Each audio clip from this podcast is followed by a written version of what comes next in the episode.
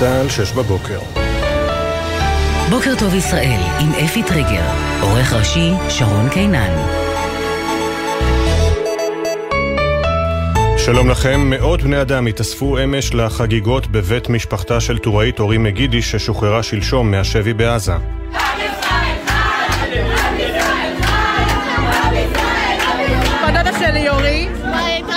זה כאילו נס, התפעלנו מלא, כל הדודים בפנים כבר, כאילו כולם פה בהתרגשות שיא. אורי מגידיש בת 19 חולצה בלילה שבין ראשון לשני בפעילות צה"ל והשב"כ ברצועת עזה. היא החטופה הראשונה שמשוחררת בשטח. לפני הגעתה הביתה נפגשה עם הרמטכ"ל והשלימה את התחקור הראשוני. דובר צה"ל, תת-אלוף דניאל הגרי, אמר כי אורי ידעה למסור פרטים רבים שיסייעו בהמשך המבצע. היא עשתה את זה בצורה מדהימה, אה, באופן אה, מדהים של גם הבעה, הזיכרון וכן הלאה, אנחנו לא נחשוף שום דבר פה. החזרנו את אורי הביתה.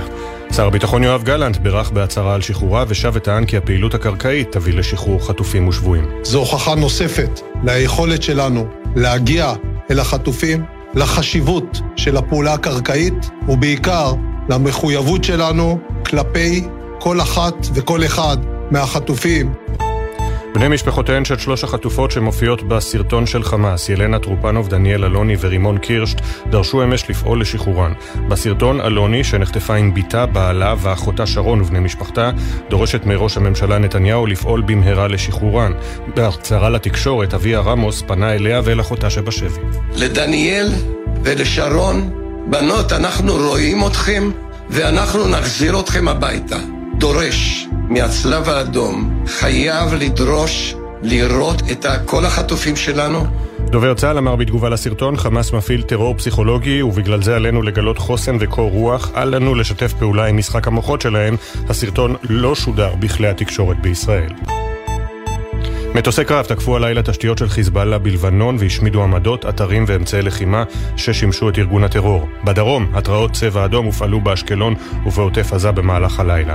בתוך כך, בצה"ל אישרו הלילה כי חשוד שחצה אתמול משטח רצועת עזה לישראל נורה למוות בידי כוח צה"ל סמוך לצומת רעים.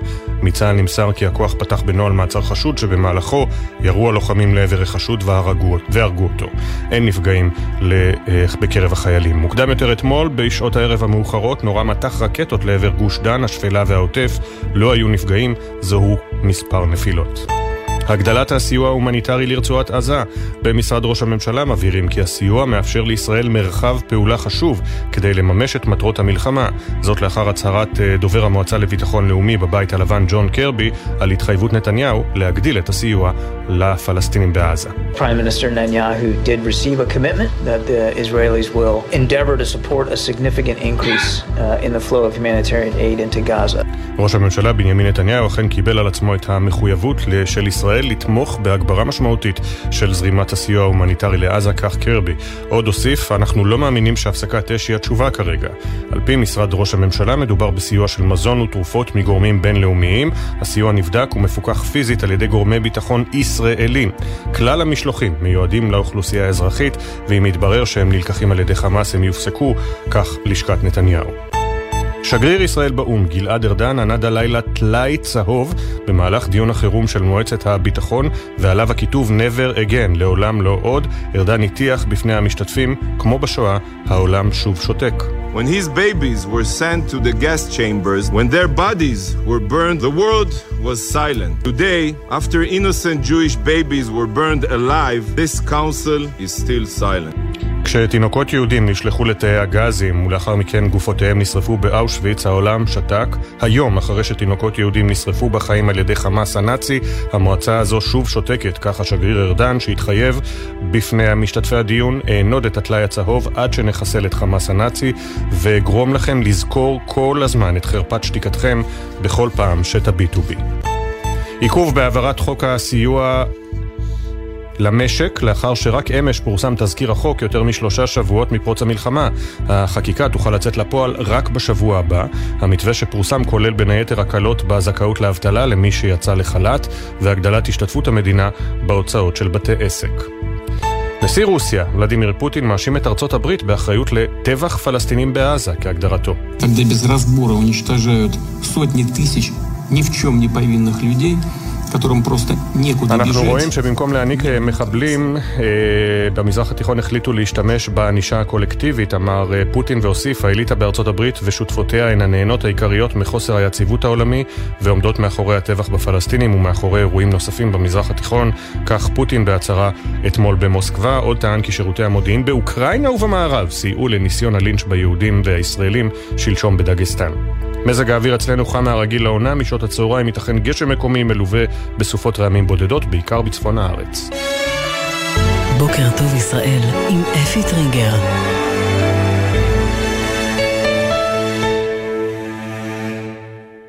בוקר טוב ישראל, בוקר יום שלישי, 31 באוקטובר 2023, ט"ז במר חשוון, תשפ"ד, השעה עכשיו כמעט 6 ו-6 דקות, אנחנו פותחים עם החגיגות המרגשות אחרי שחרורה של טוראית אורי מגידיש בידי צה"ל והשב"כ מהשבי בעזה. השחרור הותר רק אמש לפרסום, שי ישראל כתבנו היה בבית המשפחה בקריית גת, שלום שי. בוקר טוב אפי, רגע נדיר של שמחה במלחמה. טורה יורי מגידיש, תצפיתנית בנחל עוז, שוחררה שלשום על ידי כוחות הביטחון בפעולה קרקעית בעזה, אחרי שנחטפה ב-7 באוקטובר על ידי חמאס. אורי הגיעה אתמול בשעות הבוקר לקריית גת, מקום מגוריה, כשהיא במצב טוב, ודובר צה"ל סיפר אתמול על תרומתה הגדולה בפרטים שמסרה למערכת הביטחון.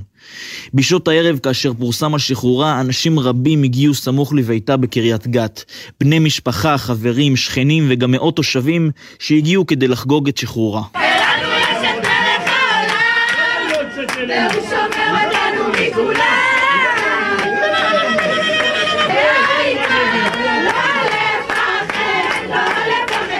במשך שעות החגיגות נמשכו, אפילו עם זיקוקים שהודלקו מחוץ לביתה. אחד מהרגעים המרגשים ביותר היה כאשר סבתא של אורי הגיעה לביתה וראתה אותה בפעם הראשונה אחרי ששוחררה מהשבי. המשפחה פרסמה מספר תיעודים של החגיגה הגדולה בתוך הבית, שנשמעה היטב גם מחוצה לו. תודה שי. אין ספק שאחת הזירות במלחמה הזו היא הטרור הפסיכולוגי. אתמול חמאס שוב תקף בזירה הזו כשפרסם סרטון של שלוש חטופות בשבי. בני משפחותיהן פנו בהצהרה לתקשורת בדרישה ברורה, עשו כל מאמץ להשבת החטופים ושמירה על בריאותם. גל ג'רסי כתבנו שלום. שלום אפי, בני משפחותיהן של אילנה טרופנוב, דניאל אלוני ורימון קירשט המופיעות בסרטון הקשה שפרסם החמאס, התייצבו בפני צוותי התקשורת מהארץ ומהעולם והתייחסו לסרטון. נציג מכל משפחה דיבר אפי, כולם בחרו להתעלם מהתוכן עצמו שנאמר בסרטון, על מנת לא לשרת את הלוחמה הפסיכולוגית של ארגון הטרור. בני המשפחות של החטופות סיפרו כי הסרטון הוא סימן החיים הראשון של השלוש, והוא דווקא הפיח בהן תקווה. אף אחת מהחטופות לא נחטפה לבד לרצועת עזה, רימון קירש נחטפה ביחד עם בעלה מנירים, אילנה טרופנוב נחטפה ביחד עם בנה ואימה, דניאל אלוני נחטפה ביחד עם הילדה שלה, אחותה, גיסה ושתי התאומות שלהם הן בנות שלוש. רמוס סלוני פנה לבנותיו ונכדותיו וגם דרש סיוע מהצלב האדום. בנות, אנחנו רואים אתכם ואנחנו נחזיר אתכם הביתה. דורש מהצלב האדום שלא יחכה כשחקן על הקווים. הסרטון בו יושבות מול המצלמה אלוני, קירשט וטרופנוב פורסם אתמול אחר הצהריים על ידי החמאס ולא שודר בישראל בהחלטת כלי התקשורת. בסרטון נראית דניאל אלוני במצב רגשי קשה כשהיא פונה לראש הממשלה נתניהו ומבקשת שישחרר אותם. ההערכה היא אפי שככל שהמבצע הקרקעי ברצועת עזה יתרחב, כך גם הטרור הפסיכולוגי של חמאס יגבר. תודה גל, ממש עכשיו, בשניות האחרונות, אזעקת צבע אדום באזור כיסופים, צבע אדום באזור כיסופים, ובמהלך הלילה צה"ל תקף יעדים של חיזבאללה בלבנון, גם הירי לעבר העוטף נמשך, שמענו עכשיו אה, שוב אזעקה באזור כיסופים. מוקדם יותר אתמול ירו כוחות צה"ל והרגו חשוד פלסטיני שחצה משטח רצועת עזה לישראל. אה, דורון קדוש כתבנו לענייני צבא וביטחון, בוקר טוב. שלום אפי, בוקר טוב. אז כן, עכשיו שמענו את אותה אזעקת צבע אדום בכיסופים. במהלך הלילה היו עוד מספר אזעקות צבע אדום, גם עד השעות הקטנות של הלילה. אז uh, הלילה אפי פעלו כוחות צה"ל במקביל בשתי זירות. נתחיל קודם כל מרצועת עזה, שם הפעולה הקרקעית של צה"ל נמשכת ומתקדמת. הלילה אפי נרשמו חילופי אש, קרבות ירי בין לוחמי צה"ל למחבלים באזור צפון הרצועה. מחבלים רבים חוסלו, גם מהאוויר וגם מהקרקע. הקרקע, מאות מטרות הותקפו, כולל מטרות שבהן כוחות היבשה הכווינו את כוחות האוויר. בצה"ל מאוד מרוצים מאיך שעובד שיתוף הפעולה הזה בין אוויר ליבשה עד כה. עוד אירוע אפי חריג למדי בעוטף עזה. אמש כוחות צה"ל ירו למוות בחשוד בצומת רעים, סמוך לקיבוץ רעים. מתברר שמדובר על פלסטיני מעזה שהצליח לחצות את הגדר מהרצועה לשטח ישראל למרות כל הכוחות שנמצאים שם, וכאמור הוא אותר בשטח העוטף. הוא אמנם לא היה חמוש, אבל בצה"ל יצטרכו לבדוק היטב איך הצליח לחצות את הגדר למרות כל הכוחות ששמו שם כדי להגן על המרחב הזה.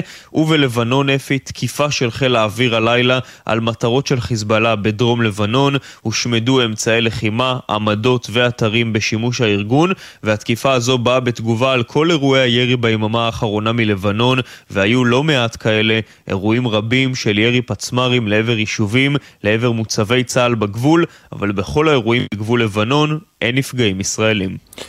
תודה, דורון קדוש, כתבנו לענייני צבא וביטחון. שש ואחת עשרה דקות, אה, אנחנו עם אה, כותרות העיתונים בכולם, כמו שאמר אה, שי ישראל בפתח הדיווח שלו, סיבה נדירה לשמחה, לאושר גדול, מבצע אורי קוראים לזה בידיעות אחרונות, עם תמונת ענק שצילמה דוברות השב"כ של אורי מגידיש, טוראית אורי מגידיש עם אימה, לאחר החילוץ מהשבי, בידיעות קוראים לזה קרן אור בתוך האפלה שפקדה את ישראל ב-7 באוקטובר, אבל מדגישים 238 חטופים עדיין מוחזקים בעזה. בישראל היום התמונה היא כבר מהחגיגה אתמול בבית. אה, אורי חזרה הביתה, יואב לימור מפרשן התעוזה והיצירתיות חזרו לצד הישראלי לראשונה במלחמה. יפעת ארליך קוראת לזה האבן הראשונה בשיקום האמון של הציבור בצה"ל. אה, עוד בפרשנויות בישראל היום, קרני אלדד כותבת לעולם לא נהיה עוד כמו פעם לפני שנפלו השמיים, ועדי שוורץ קוראת המשימה העליונה להסיר כל איום פוטנציאלי מיידי. במעריב נפעל ונגיע לכולם, ציטוט של uh, גורמי ביטחון. ראש הממשלה אומר, התמרון הקרקעי מייצר אפשרויות לשחרור חטופים, לא נחמיץ אותן. הצבא הרחיב את פעילותו בתוך הרצועה, ויש תמונה כמובן של הורים בני משפחתה לאחר השחרור, וגם תמונה גדולה במעריב של uh, פעילות כוחות צה"ל על הקרקע בעזה. בן כספית, במאמר אה, פרשנות בעמוד 7, נתניהו ידע ונפנף, אריה אלדד כותב החשבון יגיע, ליאור אקרמן כותב דרושה יוזמה, אה, טל לברם קורא לתאם ציפיות, מאיר שטרית קורא לחשוב מחוץ לקופסה, עוד בשער של מעריב, סוף טרגי, משפחתה של שני לוק התבשרה כי נרצחה, עלייה במעשי שנאה וגילויי אנטישמיות באירופה, ושוטר נפצע בינוני בפיגוע דקירה בירושלים. בעיתון הארץ בחרו דווקא אה, שהתמונה הגדולה תהיה תמונת שלוש החטופות אתמול בסרטון של חמאס, ילנה טרופנוב, דניאל אלוני ורימון אה, קירשט. כתבו כאן לא טוב את אה, שם משפחתה, רימון קירשט, בסרטון שפרסם חמאס, אה, ובתמונה קטנה יש את אה, הצילום של דוברות השב"כ של אורי מגידיש אחרי השחרור. הכותרת הראשית בהארץ, צה"ל ושב"כ חילצו חיילת שנחטפה לרצועה, חמאס פרסם תיעוד של שלוש נשים חטופות. עמוס הראל כותב, ההישג המרשים של חילוץ החיילת החטופה מגידיש שולח איתות למשפחות החטופים כי המדינה לא שכחה אותם, חרף המחדל הנורא, ההמשך יהיה קשה יותר, אך אפשר לקוות שהמשך הלחץ על חמאס ייצור הזדמנויות מבצעיות לחילוץ חטופים נוספים. בד בבד מתנהל מאמץ אינטנסיבי לשחרור עוד חטופים באמצעות משא ומתן עקיף עם חמאס בעזרת קטאר. אה, מתחת לקיפול בהארץ, הערכה, רוב הגופות שטרם זוהו הן של מחבלים. כך כותבים עידו אפרתי ואהרון רבינוביץ', לפי מקורות במערכת הביטחון, גורלם של חלק מהנעדרים יישאר לא ידוע. עד כה זוהו 1,135 אזרחים וחיילים שנהרגו. כך בעיתון uh, הארץ.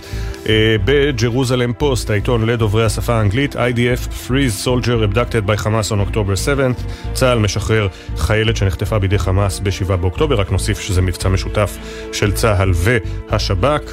Uh, והתמונות מימין, אורי מגידיש עם הוריה, תמונה שהופצה בידי uh, השב"כ, ומצד שמאל, עשן מתעמר מעל צפון רצועת עזה ביום ה-24 של המלחמה. כפי שזה נראה במצלמתה של אבלין הוכשטיין, צלמת רויטרס אה, מהצד הישראלי של אה, הגבול. עוד אה, בג'רוזלם פוסט, IDF attacks Northern Gaza City from both directions, כוחות צה"ל, טנקים, תקפו את צפון העיר עזה משני צידיה. ובחברה החרדית אנחנו עם יתד נאמן, כאן הכותרת הראשית חילוץ לילי בעזה, בחסדי שמיים ולאחר מבצע צבאי ומודיעיני שפרטיו חסויים, הושבה אתמול אחת החטופות למשפחתה, וגם Uh, ביום השנה הכ"ב להסתלקותו, החל מאמש המונים פוקדים את ציון רבנו הגדול, מרן האבי עזרי, uh, זכרו. היום בשעה שתיים אחר הצהריים יארך מעמד התפילה המרכזי בציונו, בראשות uh, מרן הגאון הרב ברגמן שליטה. אוקיי. Okay. אנחנו רק נחזור שוב על הכותרות מהלילה, נחזור שוב על הכותרות מהלילה, סליחה, כאשר מסתבר ששגריר ישראל באו"ם גלעד ארדן מעלה את המאבק שלו בכל המדינות הצבועות שלא מגנות את חמאס חד משמעית, כמובן גם אחרי שמזכ"ל האו"ם גוטרש עדיין לא התנצל על דבריו המתועבים על מתקפת חמאס שלא הגיע בחלל ריק. אז הנה הלילה גלעד ארדן בישיבת מועצת הביטחון של האו"ם, יחד עם חברי המשלחת הישראלית, עונדים טלאי צהוב על בגדיהם עם הכיתוב never again, לעולם לא עוד.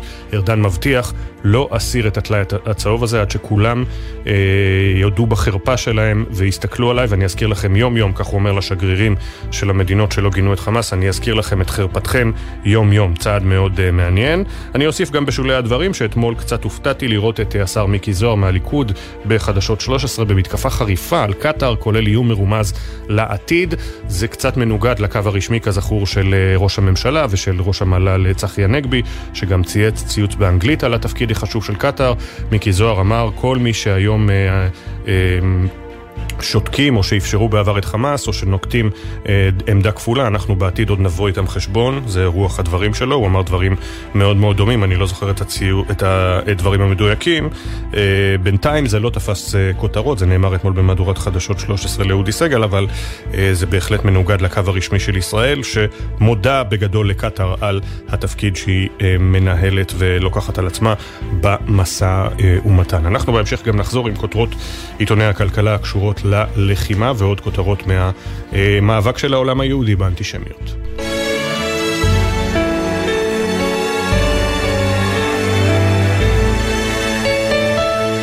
שש ושבע עשרה דקות בדיוק, ככל שגוברת הביקורת על ישראל בעולם, כך גם גוברים מאמצי ההסברה. אך האם הפעם הלכנו רחוק מדי? המודעות שמראות את הזוועות שהתחוללו ביישובי העוטף הגיעו עד למשחקים מקוונים של ילדים ברחבי העולם. ההורים כמובן לא מרוצים. הכתבה של כתבת חדשות החוץ, שחר קנוטובסקי. שום דבר לא הכין את בנה בן השש של מריה מלונדון, ששיחק בטלפון הנייד שלו, למראה תמונת ילד מדמם שהופיע לפתע על המסך שלו. One of the first images that appeared for him was a child's backpack with lots of blood. And he came running to me and said, Mom, what is this bloody ad doing on my phone? I didn't click anything. אחת התמונות הראשונות שהופיעו לו הייתה ילקוט מכוסה דם. הוא אמר, אני לא יודע למה הפרסומות האלה מופיעות, לא לחצתי על כלום, מספרת מריה המודאגת. עוד ועוד משתמשי משחקי מחשב ברחבי אירופה מספרים שבאמצע המשחק הופיעו על המסך שלהם פרסומות הסברה ישראלית, חלקן שייכות למשרד החוץ, שמנסות לחשוף את הזוועות שביצע חמאס באזרחים בארץ. חלק מהסרטונים מלווים בנעימות לילה ומספרים על הילדים החטופים שהולכים לישון ללא הוריהם כבר שבועות. סרטונים אחרים, כאמור, מכילים תכנים קשים הרבה יותר. The text on screen says Hamas is ISIS, slaughtering children, lots of like graphic war images. I don't see how it is okay for them to be advertising inside games. כתוב שם שחמאס זה דאעש. מספרים שם שהם שוחטים ילדים והרבה תמונות מלחמה גרפיות מופיעות. אני לא מבינה איך מפרסמים דברים כאלה במשחק, אומרת מריה. במשרד החוץ אישרו כי הסרטונים אכן מקודמים על ידי הממשלה, אך אמרו שלא ברור איך הם הגיעו למשחקים בהם משתמשים גם ילדים. ננסי סנואו, פרופסורית לתקשורת מקליפורניה, משערת שיש כאן ניסיון להגיע לאזרחים, גם להורים לילדים ברחבי העולם, כדי לעורר את המודעות לזוועות.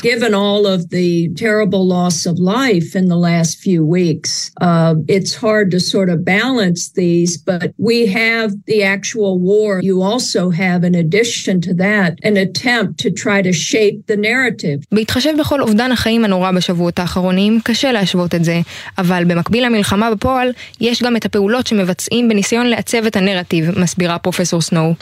תוכן ההסברה אכן מנסה להעביר את המציאות החדשה כאן בארץ, לגעת בליבם של אלו שרחוקים מכאן פיזית ואידיאולוגית, אבל בדרך כדאי להיזהר שלא להשאיר צלקת בנפשם של מי שתמונת עולמם עדיין לא עוצבה במלואה, ועדיין לא יודעים מהו רוע אמיתי. הפעולה הקרקעית ברצועת עזה מתעצמת, הגזרה הצפונית מתחממת, אבל גם ביהודה ושומרון לא שקט בכלל. מפקד פלוגת ההגנה המרחבית במזרח גוש עציון הועבר מתפקידו בעקבות שורת אירועים חריגים שבהם פעל בניגוד להנחיות המח"ט. תושבי האזור לא קיבלו את ההחלטה בשתיקה והתכנסו לישיבת חירום. הוד בראל כתבנו היית שם, שלום הוד. כן, בוקר טוב אפי. המתיחות ביהודה ושומרון מורגשת היטב בימים אלה. אתמול מח"ט גוש עציון, אלוף משנה איתי מתק, הודיע למפקד הפלוגה של ההגנה המרחבית בגוש עציון, קצין מילואים בדרגת רב סרן, כי הוא מועבר לעת עתה מתפקידו. לדברי הצבא, הדבר נעשה בעקבות כמה אירועים, ביניהם ירי לעבר זורקי אבנים שלא על פי נוהלי הפתיחה באש, וסגירת ציר זמנית לפלסטינים. כל אלו כמובן בניגוד להנחיות המח"ט.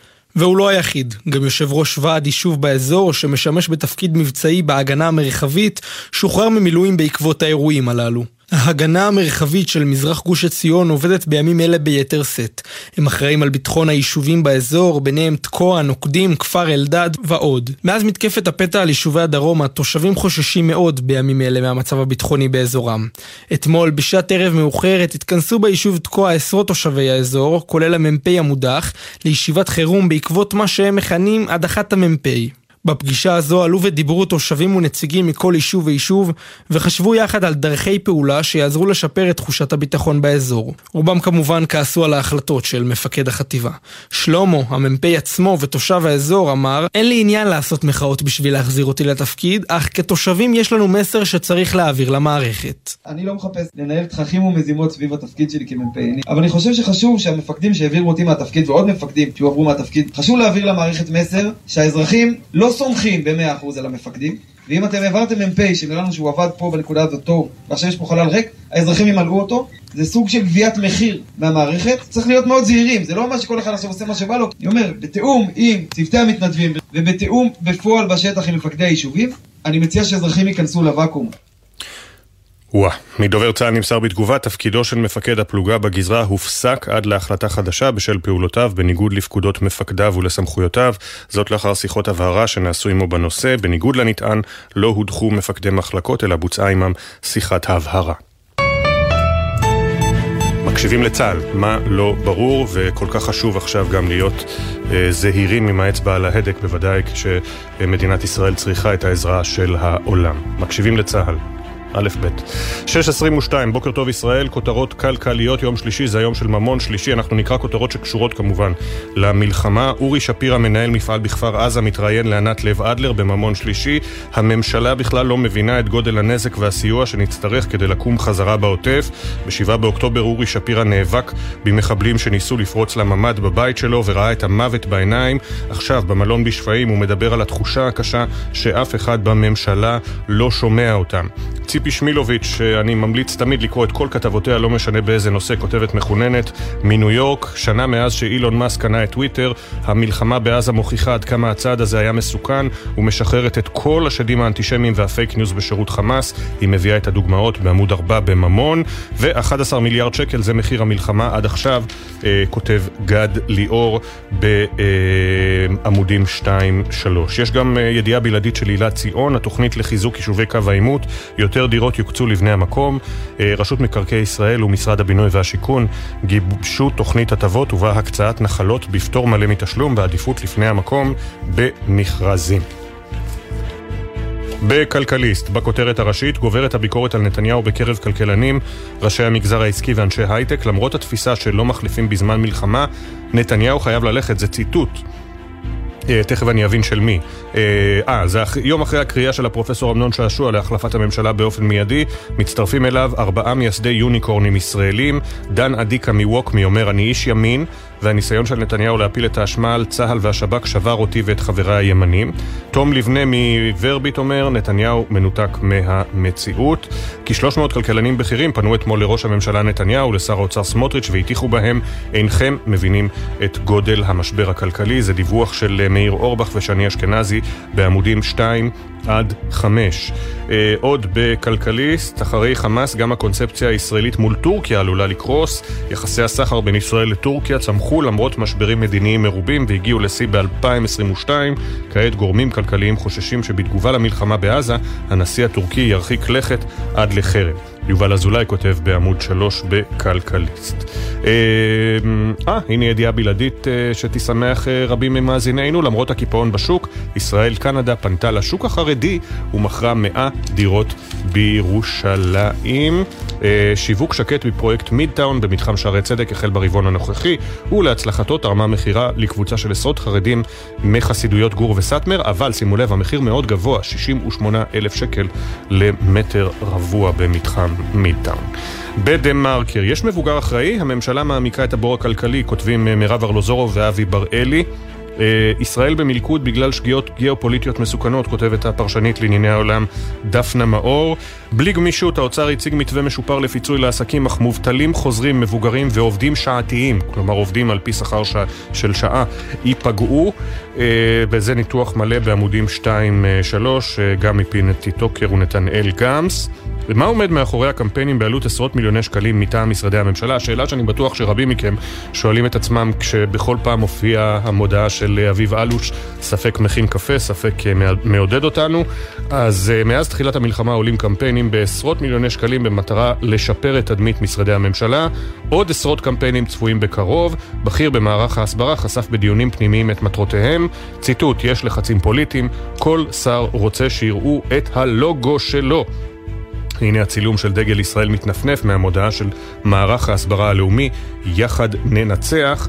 אה, סיכומי הקמפיינים של גופים ממשלתיים במהלך הלחימה, אה, משרד החינוך קמפיין של יותר ממיליון שקל, המוסד לביטוח לאומי מיליון וארבע מאות אלף, משרד הבריאות שני מיליון ומאתיים אלף, משרד התחבורה שבע מאות שישים ותשעה אלף שקל, משרד ראש הממשלה, שם אני מניח מערך ההסברה הלאומי שש מאות עשרים ואחד אלף שקל, ועוד ועוד ועוד, זה בדה מרקר. ביג לובס, ישראל במלחמה, העובדים והעסקים שהאוצר שכח, כל החורים בתוכנית שר האוצר, העובדים הזעירים, הפנסיונרים, עובדי התיירות וההסעדה, המובטלים החוזרים, המילואימניקים, העצמאים, אורן, אורן דור, המילואימניקים העצמאים, אורן דורי וניצן שפיר עם ניתוח מלא של כל האנשים ששכחו אותם ב, אה, בתוכנית של משרד האוצר, ואנחנו נזכיר לכם שבהמשך המשדר יספר כאן ישראל פישר את הפרטים שלא מדגישים מספיק אה, ביתר כלי התקשורת, לכן אתם אוהבים להקשיב לבוקר טוב ישראל מדי בוקר. התוכנית הזו דורשת חקיקה. ועדיין לא התחילו אפילו בצעדים הראשונים לחוקק אותה. אה, ככה לפני שבוע הבא לא יוכלו להצביע עליה, וכל יום שעובר, אנחנו מחר כבר ב-1 בנובמבר, לעצמאים אין תלוש שכר על אוקטובר, וגם נובמבר עומד אה, ללכת לאיבוד. Uh, החברה הקטנה מכפר סבא שהחזיקה את רשת הסלולר בעוטף בשבת השחורה, חזי שטרנליכט מספר בעמוד 13 בגלובס על החברה, אם אני אצליח לדפדף, הנה, חברה, מערכות אנרגיה שהקימה חברת פינרג'י, לא כתוב באנגלית אז אני לא יודע אם זה פינרג'י או פינרג'י, אה, מערכות אנרגיה של פינרג'י העניקו גיבוי של עשרות שעות לאתרי התקשורת הסלולרית של סלקום בעוטף עזה, בהיעדר זמינות של רשת חשמל בתחילת המלחמה. אביב צידון המייסד אומר המערכות אפשרו למנויים לקיים תקשורת רציפה גם בשעות הקשות ביותר.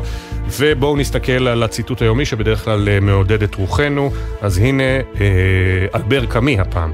אני פסימי באשר למצב האנושי, אולם אני אופטימי באשר לאדם. יפה. אני פסימי באשר למצב האנושי, אולם אני אופטימי באשר לאדם. תהיה לנו שיחה מאוד מאוד מעניינת אחרי ההודעות עם אה, ראש התוכנית ללימודי עברית באוניברסיטת בוסטון, על החיים כאקדמאית ישראלית, עם בן זוג ישראלי גם באוניברסיטת בוסטון בימים אלה.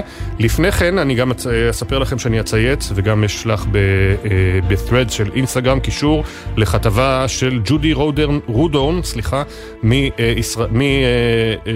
המגזין Forward, כיצד הפכו הודעות האימה על מחבלים בתוך קיבוץ רעים במהלך 7 באוקטובר לעבודת האומנות של עדי דרימר. אה, זה באמת משהו מאוד מהפנט ויפה וחשוב, כשגם שומרים על אומנות בימים אלה. עדי דרימר הייתה לבדה בממ"ד אה, בשעות הקשות, ואנחנו תכף מצייצים את הקישור לכתבה הזאת. יוצאים לכמה הודעות ומיד חוזרים.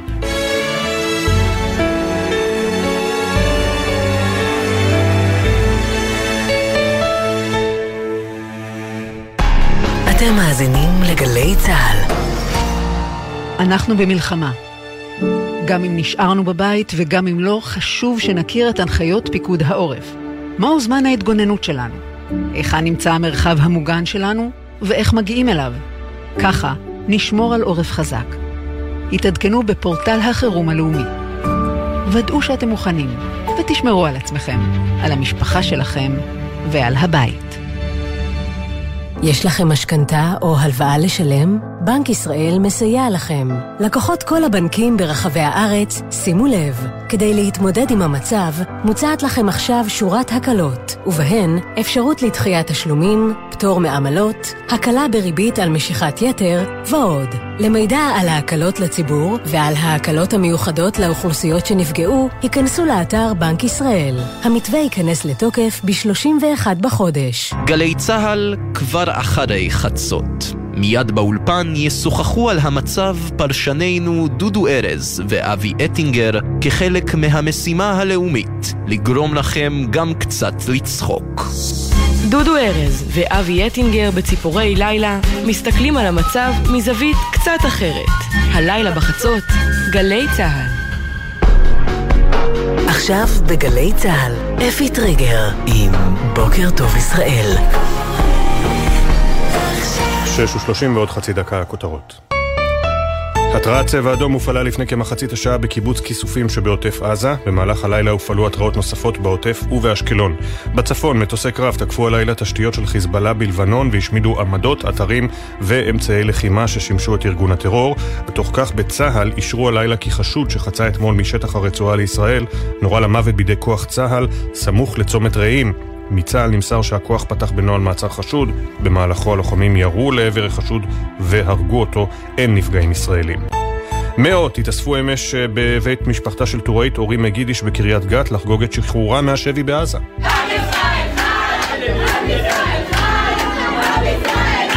בדודה שלי אורי, בהתרגשות, זה כאילו נס, התפללנו מלא, כל הדודים בפנים כבר, כאילו כולם פה בהתרגשות שיא. טוראית מגידיש בת 19 חולצה בלילה שבין ראשון לשני בפעילות של צה"ל והשב"כ ברצועת עזה. החטופה הראשונה שמשוחררת בשטח. לפני הגעתה הביתה נפגשה עם הרמטכ"ל והשלימה את התחקור הראשוני. דובר צה"ל, תת-אלוף דניאל הגרי, שיבח את זיכרונה. היא עשתה את זה בצורה מדהימה, אה, באופן אה, מדהים של גם הבעה, הזיכרון וכן הלאה. אנחנו לא נחשוף שום דבר פה. החזרנו את אורי הביתה. שר הביטחון יואב גלנט גם בירך על שחרורה ושב ואמר כי הפעילות הקרקעית היא זו שתביא לשחרור חטופים ושבויים. הגדלת הסיוע ההומניטרי לעזה במשרד ראש הממשלה מבהירים כי הסיוע לרצועה מאפשר לישראל מרחב פעולה חשוב כדי לממש את מטרות המלחמה. זאת לאחר הצהרת דובר המועצה לביטחון לאומי בבית הלבן ג'ון קרבי על התחייבות ראש הממשלה נתניהו להגדיל את הסיוע לרצועה. Prime Minister Netanyahu did receive a commitment that the Israelis will endeavor to support a significant increase uh, in the flow of humanitarian aid into Gaza. ראש הממשלה נתניהו הצהיר על מחויבות ישראל לתמוך בהגברה משמעותית של זרימת הסיוע ההומניטרי לעזה, כך קרבי. עוד הוסיף, אנחנו לא מאמינים שהפסקת אש היא התשובה כרגע. על פי משרד ראש הממשלה מדובר בסיוע של מזון ותרופות מגורמים בינלאומיים, שנבדק ומפוקח פיזית על ידי גורמי ביטחון ישראלים. כלל המשלוחים מיועדים לאוכלוסייה אזרחית, ואם יתברר שהם נלקחים בידי חמאס הם יופסקו, כך לשכת נתניהו. עדכון אחד לנהגים מאולפן גלגלצ, כביש 57 עמוס מצומת בארותיים עד צומת תנובות ומזג האוויר חם מהרגיל לעונה משעות הצהריים. ייתכן גשם מקומי מלווה בסופות רעמים בודדות, בעיקר בצפון הארץ. 6.33, בוקר טוב ישראל, גם מעבר לים, הרחק מהאזעקות והטילים, היהודים מתמודדים עם פחד ממשי ביום-יום. עלייה, מה זה עלייה? זינוק של כ-500 אחוז בכמות האירועים האנטישמיים בהשוואה לתקופה המקבילה בשנה שעברה, כך על פי דוח חדש של ההסתדרות הציונית העולמית, משרד התפוצות והסוכנות היהודית. איך זה מתבטא בשטח? אנחנו מדברים עם אה, מירה אנגריסט, ראשת התוכנית ללימודי עברית באוניברסיטת בוסטון. שלום לך, בוקר טוב, לילה טוב בבוסטון. היי, לילה טוב, בוקר טוב. ספרי לנו, אה, מירה אנגריסט, על אה, עבודתך באוניברסיטה. אה, אני עובדת כמרצה בחוג לשפות עולמיות וספרות. בחוג יש עשר שפות, עברית, ערבית, פרסית, טורקית, סינית, יפנית וכולי, ואני מרכזת את הלימודים בעברית תרבות ישראלית.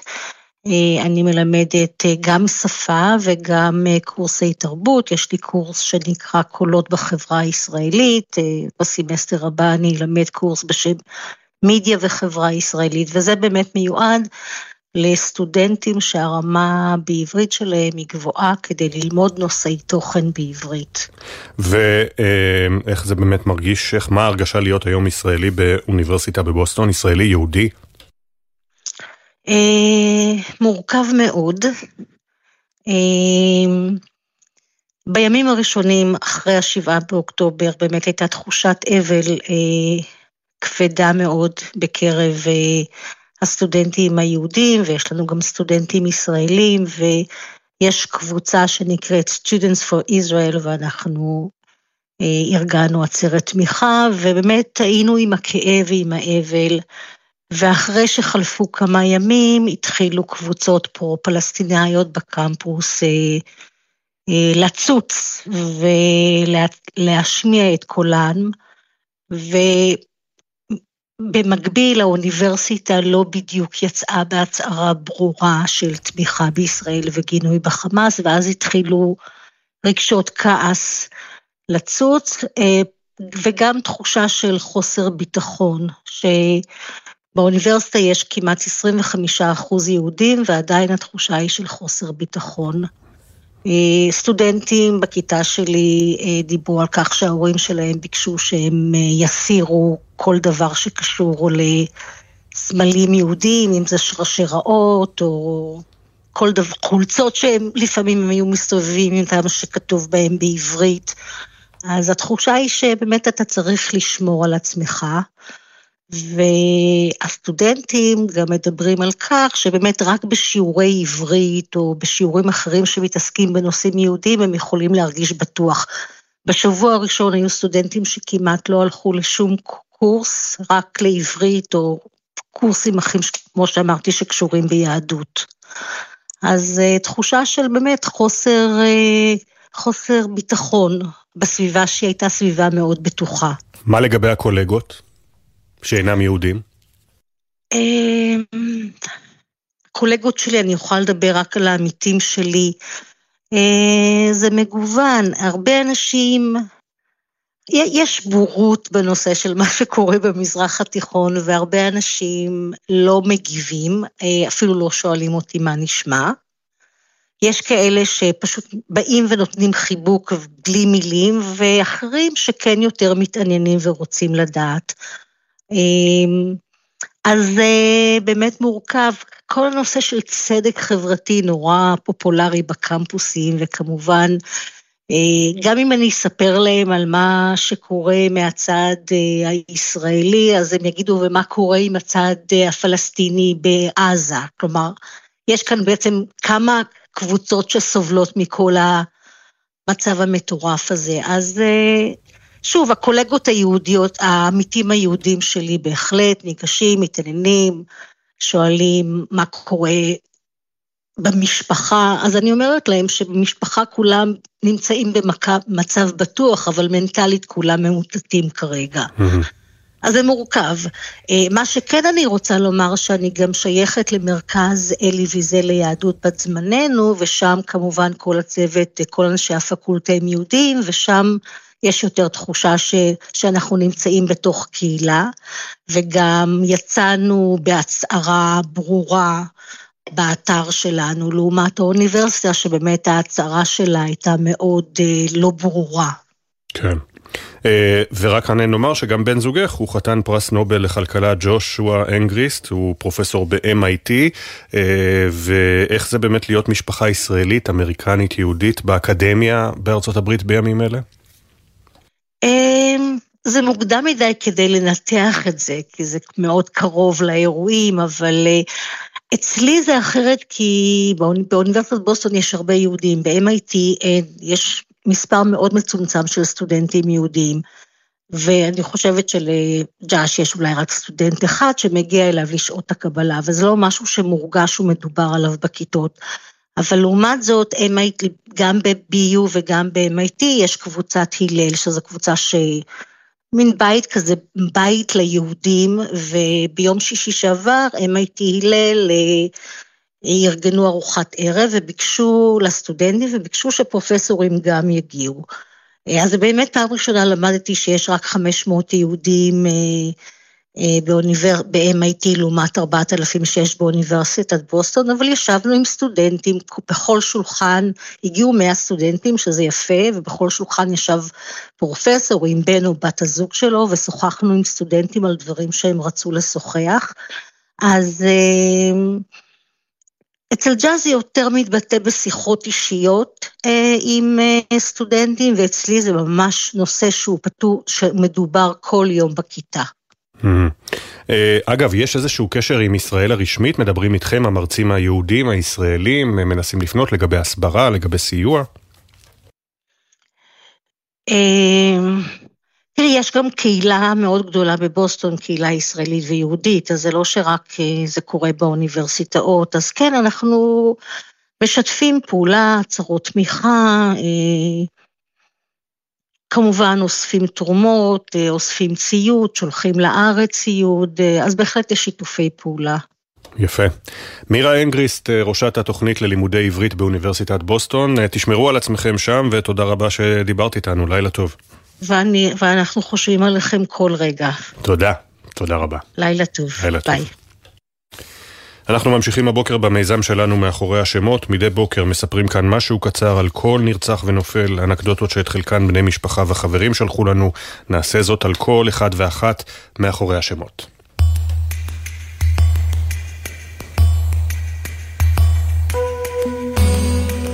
יוסי אפטלון נרצח בביתו בקיבוץ בארי. במשך 40 שנה היה יוסי שותף למלאכה בדפוס בארי. כחובב טכנולוגיות הביא איתו פיתוחים חדשים, ואפילו הקים את ארכיון הדפוס של המפעל. אמנם הייתה לו רק יד אחת, אך הוא ידע לשרטט בה טבלאות בדיוק מופלא. אלון ורבר, בן 26, נרצח במסיבה ברעים. אלון היה אוהד שרוף של צ'לסי, והפך את מרפסת הגג של ביתו למקום, למקום המפגש הקבוע של החבורה. רב סמל בכיר זיו דדו, בן 36 מרחובות, היה מנהל לוגיסטי בגדוד 51. זיו, בעל השיער הזהוב והחיוך השובב, היה ידוע בתור דדו יסדר. ראה כל חייל ודאג לכל צורך. ליבי כהן מגורי מתל אביב נרצחה במסיבה ברעים. ליבי הייתה ספורטאית והתאמנה ברכיבת קפיצות על סוסים. בני הזוג דוד ואורלי שוורצמן נרצחו בביתם בכפר עזה, דוד היה מומחה חקלאות והשקיה, ואפילו הביא את הידע הישראלי לאמריקה הלטינית. אורלי, אחות במקצועה, הכשירה את הדורות הבאים בתחום. בסוף כל ארוחת שישי התעקשה לשלוח את ילדיה לבתיהם עם קופסאות מלאות שאריות, גם אם כבר שבו. שובל יעקב, בן 27, נרצח במסיבה ברעים. שובל היה שחקן כדורסל בליגת בקעת הירדן, והקפיד תמיד להגיע לאולם חצי שעה לפני כל הקבוצה. בדרך כלל אפשר היה למצוא אותו עם סיגריית נובלס בפה. סרן שיר אילת, בת 20 מכפר שמואל, הייתה מפקדת מחלקה בגדוד 414 בחיל הגנת הגבולות. כששובצה כתצפיתנית חששה שלא תצליח להגשים את עצמה, אבל בנחישות האופיינית לה הצליחה להפוך לקצינת חמ"ל. ניב תל צור, בן 22, נרצח במסיבה ברעים. ניב היה אלוף הארץ בהרמות כוח, powerlifting, וחלם להיות אדריכל. ניר ניקיטה פופוב, בן 25, נרצח בדרך לעבודתו כמאבטח של שר התקשורת שלמה קרעי. ניר, שהשתתף בתוכנית לוחמים להייטק, חלם, אה, נלחם להפוך לבודק תוכנה, והייתה לו מוטיבציה רבה להשתלב בתעשיית ההייטק. הוא היה אוהד טוטנאם, מושבע ותכנן להציע נישואין לבת זוגו בלונדון. מיכל רוימי, בת 22, נרצחה במסיבה ברעים. היא אהבה במיוחד את הנסיך הקטן, והספר ליווה אותה לכל מקום, כשקעקעה אפילו את איור הנסיך והשושנה, ובזיכרונה חרתה את הציטוט: הזמן שבזבזת על השושנה שלך, הוא שהפך אותה לחשובה כל כך. יורם בר סיני, בן 75, נרצח בבארי. במובנים רבים יורם היה זה שעיצב את נוף בארי. כארכיטקט תכנן את כל הבתים, וכתושב שתל עצים ברחבי הקיבוץ. האפר שלו יפוזר בין השתילים שטיפח באהבה. פקד אנדרי פושיבאי, בן 39, נפל בקרבות בדרום. כנער באוקראינה גילה שסבתו יהודייה. ביקש לעלות לארץ, אבל סורב על ידי השלטונות האוקראינים בשל חובת אה, הגיוס במדינה. לכן הוא שירת במשמר הנשיא בצבא אוקראינה, ולאחר מכן עלה ארצה והחליט להתגייס גם לצה"ל כדי לתרום לחברה. בהמשך השתלב גם במשטרה. קרינה פריטיקה, בת 23 מאריאל, נרצחה במסיבה ברעים. קרינה, שעלתה ארצה מפורטוגל, הייתה מתעמלת אומנותית מוכשרת. סמלת אושר שמחה ברזילי, בת 19 ממזכרת בתיה, הייתה סמלת מבצעים בחטיבה הצפונית. כבר בזמן התיכון למדה אושר חקר המוח במכון ויצמן. במקביל התנדבה במגן דוד אדום, ניגנה על גיטרה ופסנתר. אושר אמורה הייתה לצאת לקורס קצינים בעוד ארבעה חודשים. נועה זנדר, בת 22 מראשון לציון, האמינה ששינה היא לחלשים. נועה נרצחה במסיבה ברעים רגע לפני הטיול הגדול ותחילת חייה הבוגרים. מור גבאי, בת 30, נרצחה בשדרות בדרכה הביתה. כבר מגיל צעיר מור סידרה את חייה בלוחות זמנים ורשימות. בזכות השילוב בין יכולותיה הארגוניות והרצון לשמח אנשים, הפכה למפיקת אירועים. סמל ראשון ישי פיטוסי, בן 21 מטלמון, היה לוחם בגדוד 13 בגולני. מספרים שישי ספר את הימים לפני כל פעם שאמור היה לתפוס קו בעוטף עזה, וניתן היה לראות את ההתרגשות בעיניו הכחולות ירוקות. גבריאל ישי בראל מצפת נרצח במסיבה ברעים. גבריאל היה אוהד מכבי תל אביב, והחברים סיפרו שבזמן שירותו הצבאי היה הלב של הבסיס. אבי חסדאי, בן 54 מרמת גן, נרצח בחוף זיקים. בבוקר השבת השחורה, אבי יצא לעשות את הדבר שכל כך אהב, לדוג. רפי סבירסקי ואורית סלע סבירסקי נרצחו בקיבוץ בארי. רפי, חובב מוזיקה בכלל וג'אז בפרט, היה איש שקט, ידע לתמצת את דבריו ולא להעריך במילים מיותרות. אורית הייתה פעילה בנשים עושות שלום, ושלושה ימים קודם לכן עוד הספיקה להשתתף בכנס בים המלח. אמה של אורית, אביבה, בת ה-97, שרדה את הטבח בזכות המטפלת הסיעודית המסורה שלה, גרייסי קבררה, שהגנה עליה בגופה. גרייסי ידעה שיש לה שתי משפחות, בפיליפינים וכאן בישראל. מאי יצחקי, בת 25 מהוד השרון, נרצחה במסיבה ברעים.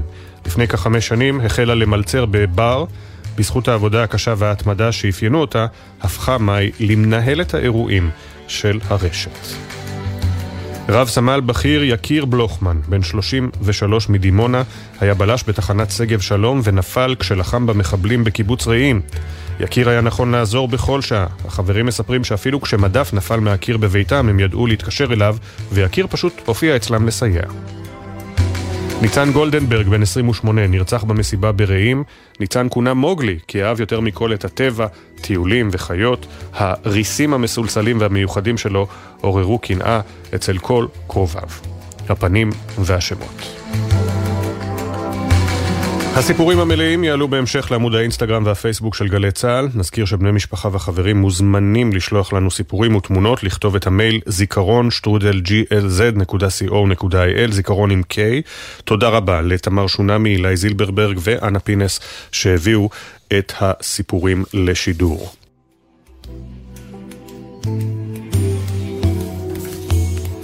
עכשיו אנחנו uh, בפינת הפרשנים שלנו, בעקבות uh, סרטון הלוחמה הפסיכולוגית של חמאס וההודעות השונות. אגב, לפני כן אני גם אספר לכם עדכון חדשותי קטן שצה"ל מודיע כי כוחות הנדסת צה"ל ומשמר הגבול הרסו הלילה בכפר ארורה שבחטיבת בנימין את ביתו של סלאח ארורי, סגן ראש הלשכה המדינית ואחראי על פעילות ארגון הטרור חמאס ביהודה ושומרון. נוסיף שכמובן ארורי לא נמצא כאן כבר שנים ארוכות, הוא יושב בדרך כלל בטורקיה, לפעמים בקטאר, uh, ושוחרר בעסקת uh, שליט ב-2015 יחד, ב-2011 סליחה, יחד עם יחיא סינואר בין היתר, אז ביתו של סלאח ארורי נהרס הלילה בידי כוחות צה"ל. בכלל. אז המטרות של חמאס והניסיון שלהם לשמור על לגיטימציה, למרבה הצער חלק מהניסיונות הללו צולחים בקהילות בינלאומיות מסוימות. מצטרפים אלינו הדוקטור רונית מרזן, חוקרת חברה ופוליטיקה פלסטינית, אוניברסיטת חיפה, שלום לך, בוקר טוב.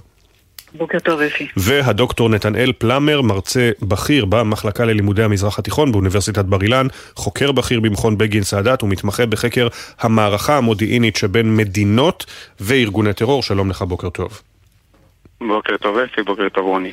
הדוקטור פלמר, אתמול חמאס ספג שתי מפלות, נקרא לזה ככה, מול דעת הקהל בישראל. הראשונה כמובן השחרור המרגש של אורי מגידיש, טוראית מגידיש, והשנייה ההתגייסות של כל התקשורת הישראלית, המיינסטרים, שלא לשדר את סרטון שלוש החטופות. נכון, אפשר למצוא אותו ברשתות, ברשתות החברתיות, אבל בכל זאת התקשורת הממוסדת לא שידרה אותו, לכן הרבה מאוד אנשים לא נחשפו לדברי התעמולה שהושמו בפיהן של החטופות, וזה אירוע משמעותי מבחינתנו, שמעיד אולי על איזושהי בגרות כאן, דוקטור פלמר?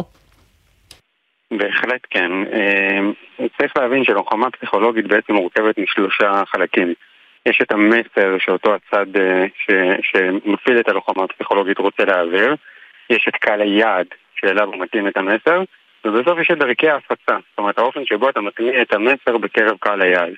בעצם חמאס, דרכי ההפצה המרכזיות שלו זה אנחנו, זה התקשורת הישראלית, זה אנחנו כחברה שמעבירים את המסרים בקבוצות טלגרם ווואטסאפ, כשאנחנו חוסמים את הצינור הזה, אנחנו בעצם אומרים לחמאס, אין לך דרך להשפיע לנו על ה-heart and mind, מה שנקרא. על ההיבט הרגשי, היבט הרוח של, ה, של הלחימה, שהוא בהבנת חמאס, ולשמחתי לאט לאט גם מתחדד אצלנו, ההיבט הכי מרכזי של הלחימה, וזה שבסוף מכריע מי מנצח.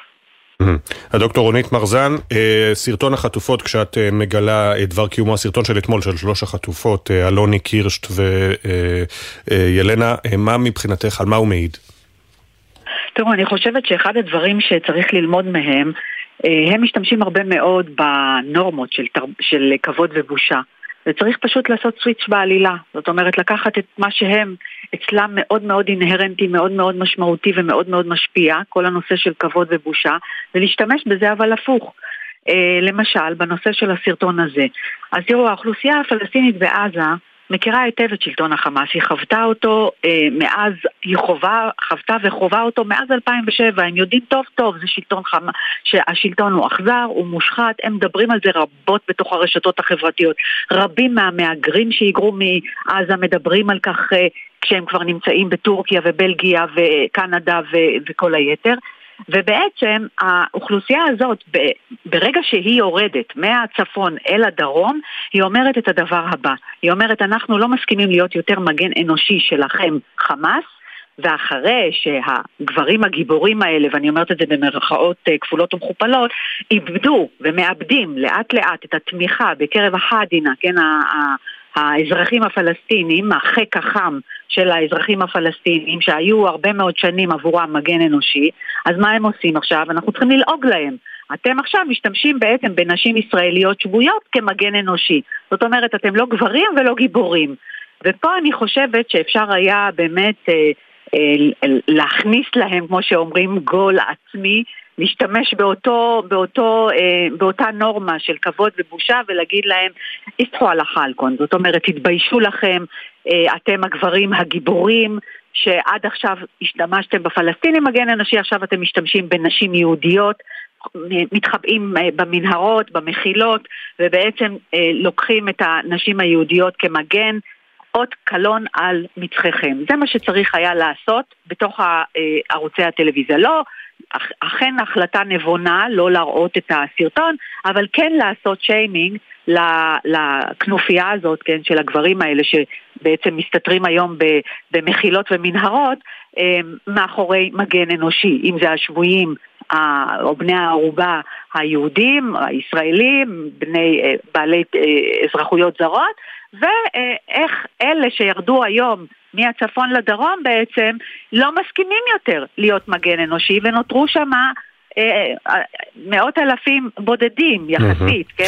שמגיעות גם תמונות של ביזה מעזה, שבתוך העיר עזה, בתוך האזור הצפוני, מי שלא התפנה, אין שם בכלל את השלטון האזרחי נקרא לזה של חמאס, שבדרך כלל יש, אין שום חשש. אזר... לא רק... כן, אין שלטון אזרחי, ולא רק זה, גם צריך להראות הרבה מאוד את התמונות של איך נשארו האנשים האלה, האומללים, העזתים, בלי שאף אחד יוכל להציל אותם, אם זה, לא, אם זה להגן עליהם, אם זה לפרנס אותם, אם לתת להם מזון, צרכים בסיסיים, והם מתחבאים במחילות, ומשעל יושב לו בקטאר, חי את ערוץ החיים הטובים, וקורא לכולם לבוא ולמות פה.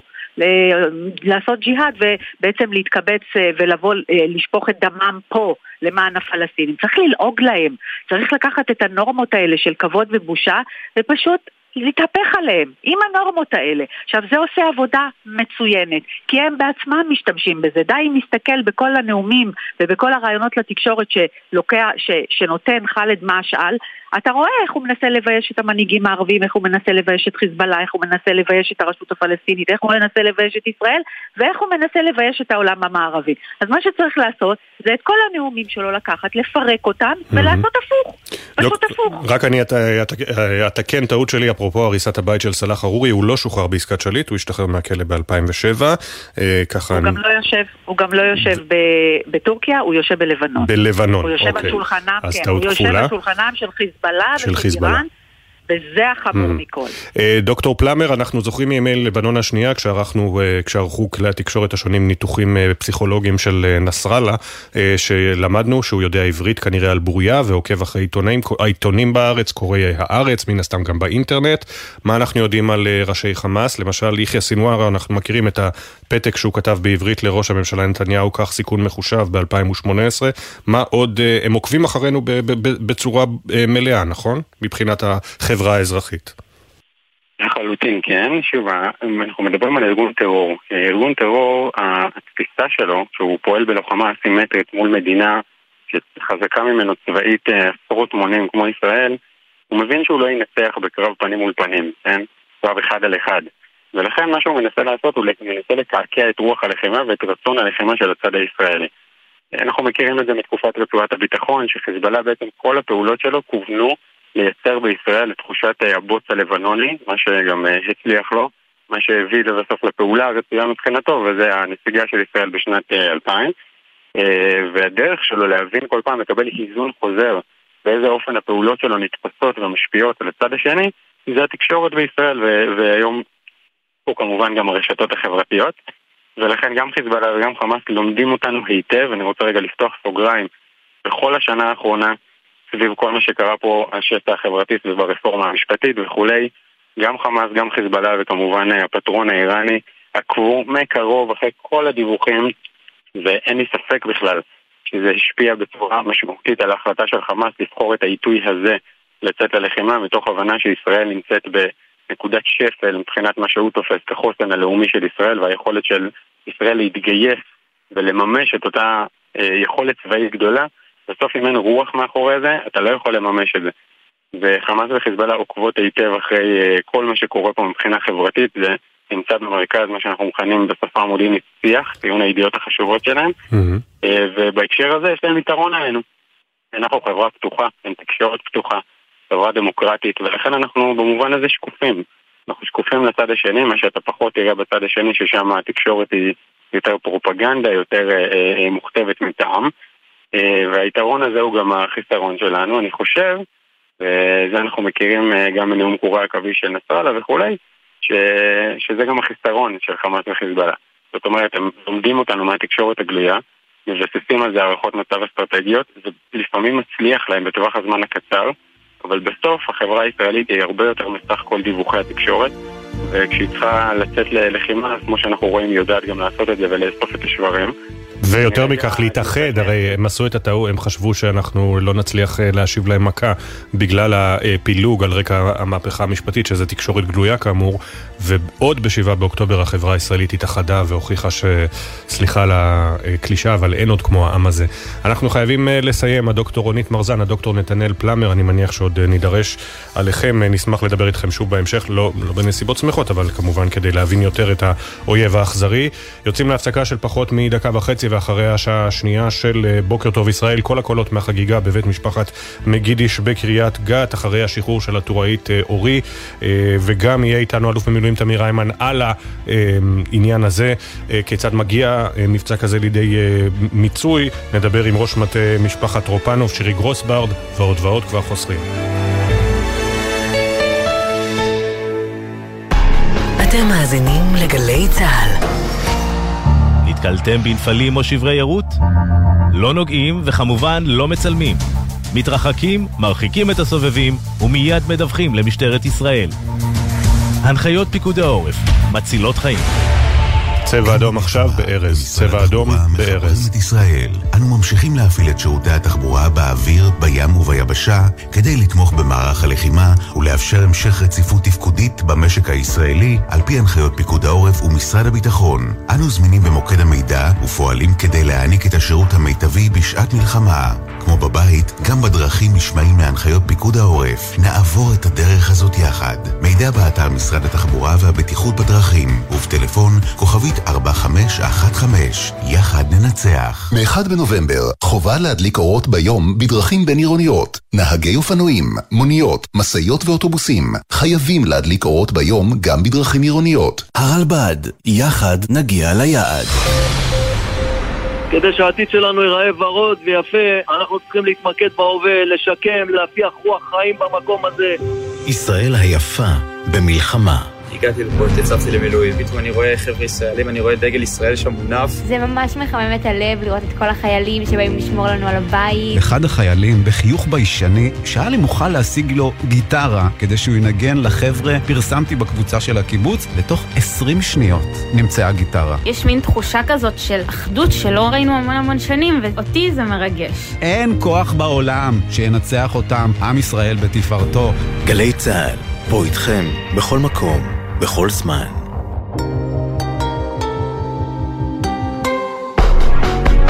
עכשיו בגלי צה"ל, אפי טריגר עם בוקר טוב ישראל.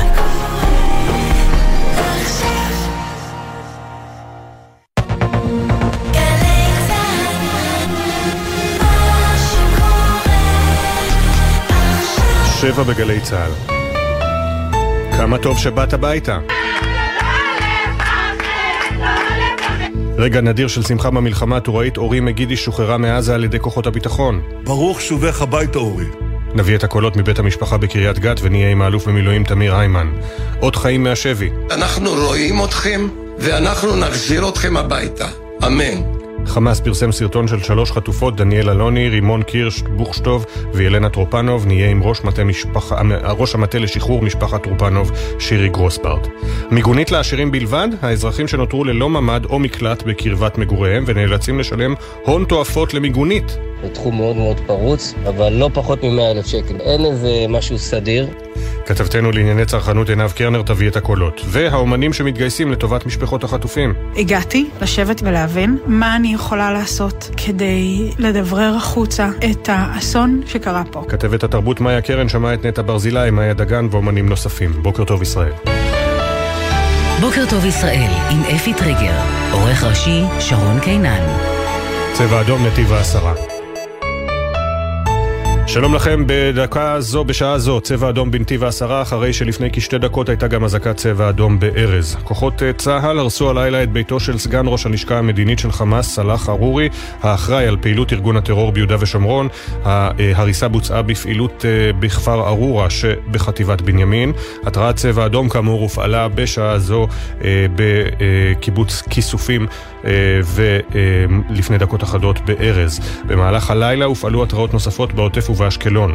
בצפון מטוסי קרב תקפו הלילה תשתיות של חיזבאללה בלבנון והשמידו עמדות, אתרים ואמצעי לחימה ששימשו את ארגון הטרור. בתוך כך בצה"ל אישרו הלילה כי חשוד שחצה אתמול את משטח הרצועה לישראל נורה למוות בידי כוח צה"ל סמוך לצומת רעים. מצה"ל נמסר שהכוח פתח בנוהל מעצר חשוד שבמהלכו הלוחמים ירו לעבר החשוד והרגו אותו. אין נפגעים ישראלים. מאות התאספו אמש לחגיגות בבית משפחתה של טוראית אורי מגידיש, ששוחררה מהשבי בעזה. מגידיש בת ה-19 חולצה בלילה שבין ראשון לשני בפעילות של צה"ל ושב"כ ברצועה. היא החטופה הראשונה שמשוחררת בשטח. לפני הגעתה הביתה נפגשה עם הרמטכ"ל והשלימה את התחקור הראשוני. דובר צה"ל, תת-אלוף דניאל הגרי, אמר כי אורי ידעה למסור פרטים רבים שיסייעו בהמשך המבצע. שר הביטחון יואב גלנט, שברך גם כן על שחרורה, שב ואמר כי הפעילות הקרקעית היא זו שתביא לשחרור חטופים ושבויים. הגדלת הסיוע ההומניטרי לעזה. במשרד ראש הממשלה מבהירים כי הסיוע מאפשר לישראל מרחב פעולה חשוב כדי לממש את מטרות המלחמה.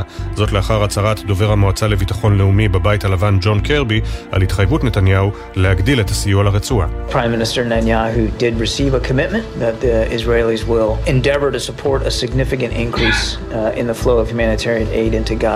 ראש הממשלה נתניהו אכן פועל מתוך מחויבות של ישראל לתמוך בהגברה משמעותית של זרימת הסיוע ההומניטרי לעזה, כך קירבי שהוסיף, אנחנו לא מאמינים שהפסקת אש היא התשובה כרגע. על פי משרד ראש הממשלה מדובר בסיוע של מזון ותרופות מגורמים בינלאומיים, שנבדק ומפוקח פיזית בידי גורמי ביטחון ישראלים. כלל המשלוחים מיועדים לאוכלוסייה האזרחית, ואם יתברר שהם נלקחים על ידי חמאס הם יופסקו, כך לשכת ראש הממשלה. שגריר ישראל באו"ם, גלעד ארדן, ענד הלילה טלאי צהוב על חליפתו במהלך דיון החירום של מועצת הביטחון. על הטלאי הכיתוב never again, לעולם לא עוד. ארדן הטיח בפני השגרירים, כמו בשואה, העולם שוב שותק. When his babies were sent to the gas chambers, when their bodies were burned, the world was silent. Today, after innocent Jewish babies were burned alive, this council is still silent. כשתינוקות יהודים נשרפו באושוויץ, העולם שתק. היום, אחרי שתינוקות יהודים נשרפו בחיים, המועצה הזו, מועצת הביטחון, שוב שותקת, כך השגריר ארדן, שהתחייב, אענוד את הטלאי הצהוב עד שנחסל את חמאס הנאצי, ואגרום לכם לזכור את חרפת שתיקתכם בכל פעם שתביטו בי. עיכוב בהעברת חוק הסיוע למשק, לאחר שרק אתמול בערב פורסם תזכיר החוק, יותר משלושה שבועות מפרוץ המלחמה. החקיקה עצמה תוכל לצאת לפועל רק בשבוע הבא. המתווה שפורסם כולל בין היתר הקלות בזכאות לאבטלה למי שיצא לחל"ת, והגדלת השתתפות המדינה בהוצאות של בתי עסק. עדכון תנועה אחד מגלגלצ, כביש 57 עמוס מצומת בארותיים עד צומת תנובות, ומזג האוויר חם מהרגיל לעונה. משעות הצהריים ייתכן גשם מקומי מלווה בסופות רעמים בודדות, בעיקר בצפון הארץ. בוקר טוב ישראל עם אפי טריגר.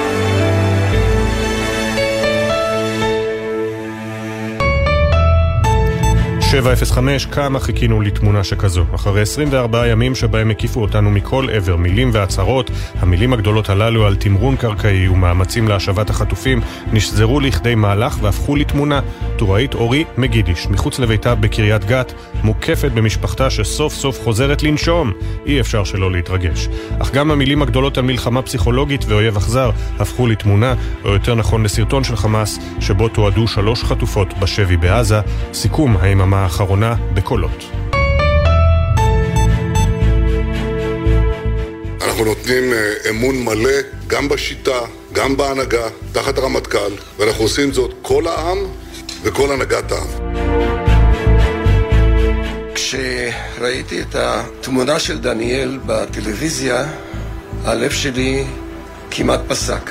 היינו מצד אחד עמומים, ומצד אחד הרגשנו הקלה שהיא בחיים. הלב נקרע, חמאס מפעיל טרור פסיכולוגי נגדנו. דווקא בגלל זה עלינו לגלות חוסן. חוסן של ברזל וקור רוח. אל לנו לשתף פעולה עם משחק המוחות של חמאס, כך נצליח לנצח אותו.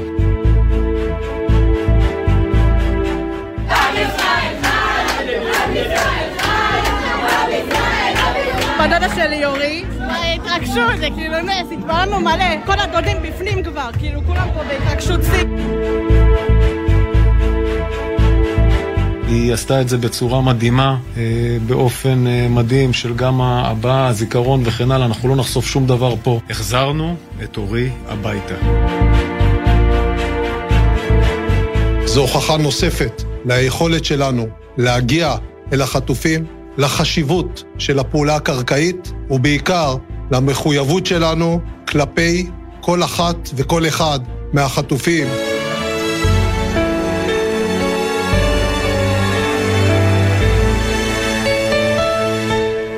707, גם הלילה כוחות הביטחון לא נחים כמובן. בצפון המשיך חיל האוויר לתקוף מטרות של חיזבאללה. ביהודה ושומרון צה"ל הרס את ביתו של סגן ראש הלשכה המדינית של חמאס, סלאח אל-ערורי. כתבנו הצבאי דורון קדוש עם הפרטים שלום דורון. שלום אפיקן, פעילות אה, צה"ל בשלוש חזיתות הלילה הזה. נתחיל קודם כל מהעדכון שמגיע מהשעות האחרונות בכפר ארורה בבנימין. כוחות צה"ל ומג"ב הרסו הלילה את ביתו של סלאח ארורי, סגן ראש הלשכה המדינית של חמאס והאחראי על פעילותו של הארגון ביהודה ושומרון. הבית שלו נמצא בכפר ארורה, בזמן שהוא כמובן יושב בביירות, הוא כבר מזמן לא נמצא באזור יהודה ושומרון.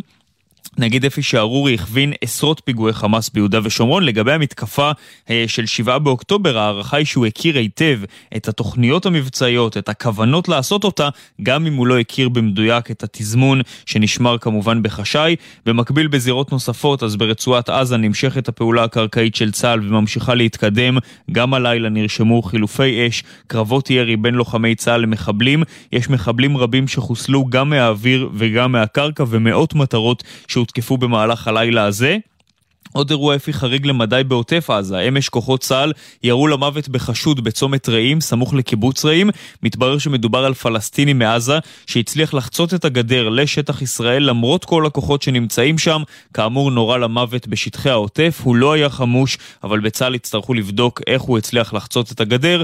ובשטח לבנון, תקיפות של חיל האוויר הלילה על מטרות של חיזבאללה בדרום לבנון, אחרי שורה ארוכה של אירועי ירי אתמול, בעיקר ירי פצמ"רים לעבר המוצבים בגבול. ודורון, בוא נחזור אל השחרור המרגש של טוראית מגידיש. מה אנחנו יכולים לספר על הפעולה בעזה, הפרטים שהיא עצמה מסרה? כן, אז בצה"ל ובשב"כ לא מפרטים כמובן על אה, אופן הפעולה ושיטת הפעולה עצמה שבה שוחררה החיילת אורי מגידיש, כדי לא לחשוף מידע על שיטות הפעולה, כי רוצים אה, לנסות לנצל הזדמנויות ואפשרויות לבצע פעולות דומות בעתיד, אבל כן נגיד שהיה מידע מודיעיני מדויק על המיקום שבו אורי הייתה שבויה בידי חוטפיה, היה כאן ניצול של הזדמנות גם מודיעינית וגם הזדמנות מבצעית. לוחמי היחידה המבצעית של השב"כ נכנסו לתוך עומק רצועת עזה. הם עשו את זה בחסות הכוחות הקרקעיים של צה"ל, שנמצאים באזור הזה כמובן כבר מיום שישי בלילה. אורי הוחזקה בידי מחבלים של חמאס, התנהל שם קרב, היו שם חילופי אש. החילוץ שלה מידיהם של המחבלים היה חילוץ תחת אש, אבל הפעולה הסתיימה בסופו של דבר ללא נפגעים לכוחותינו, כשגם אורי עצמה לא נפגעה. היא עברה כמובן בדיקות רפואיות, פגשה קודם כל את בני משפחתה כאן בארץ, ואחר כך נסעה יחד עם בני המשפחה שלה למתקן של השב"כ, שם היא פגשה את הרמטכ"ל הלוי, את ראש השב"כ, את מפקדי המבצע לשחרורה, ואחר כך היא תושאלה במשך שעות ארוכות בידי אנשי השב"כ.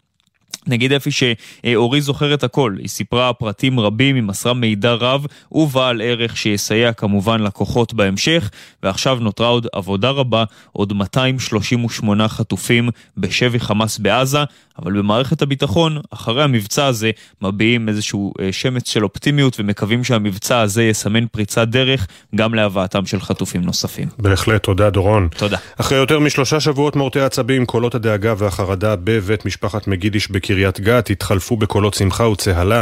מאות אנשים, בני משפחה, שכנים, חברים, הגיעו סמוך לבית כדי לחגוג את הבשורה על המעבר מבכי וזעקות שבר לדמעות של התרגשות, הכתבה של שי ישראל.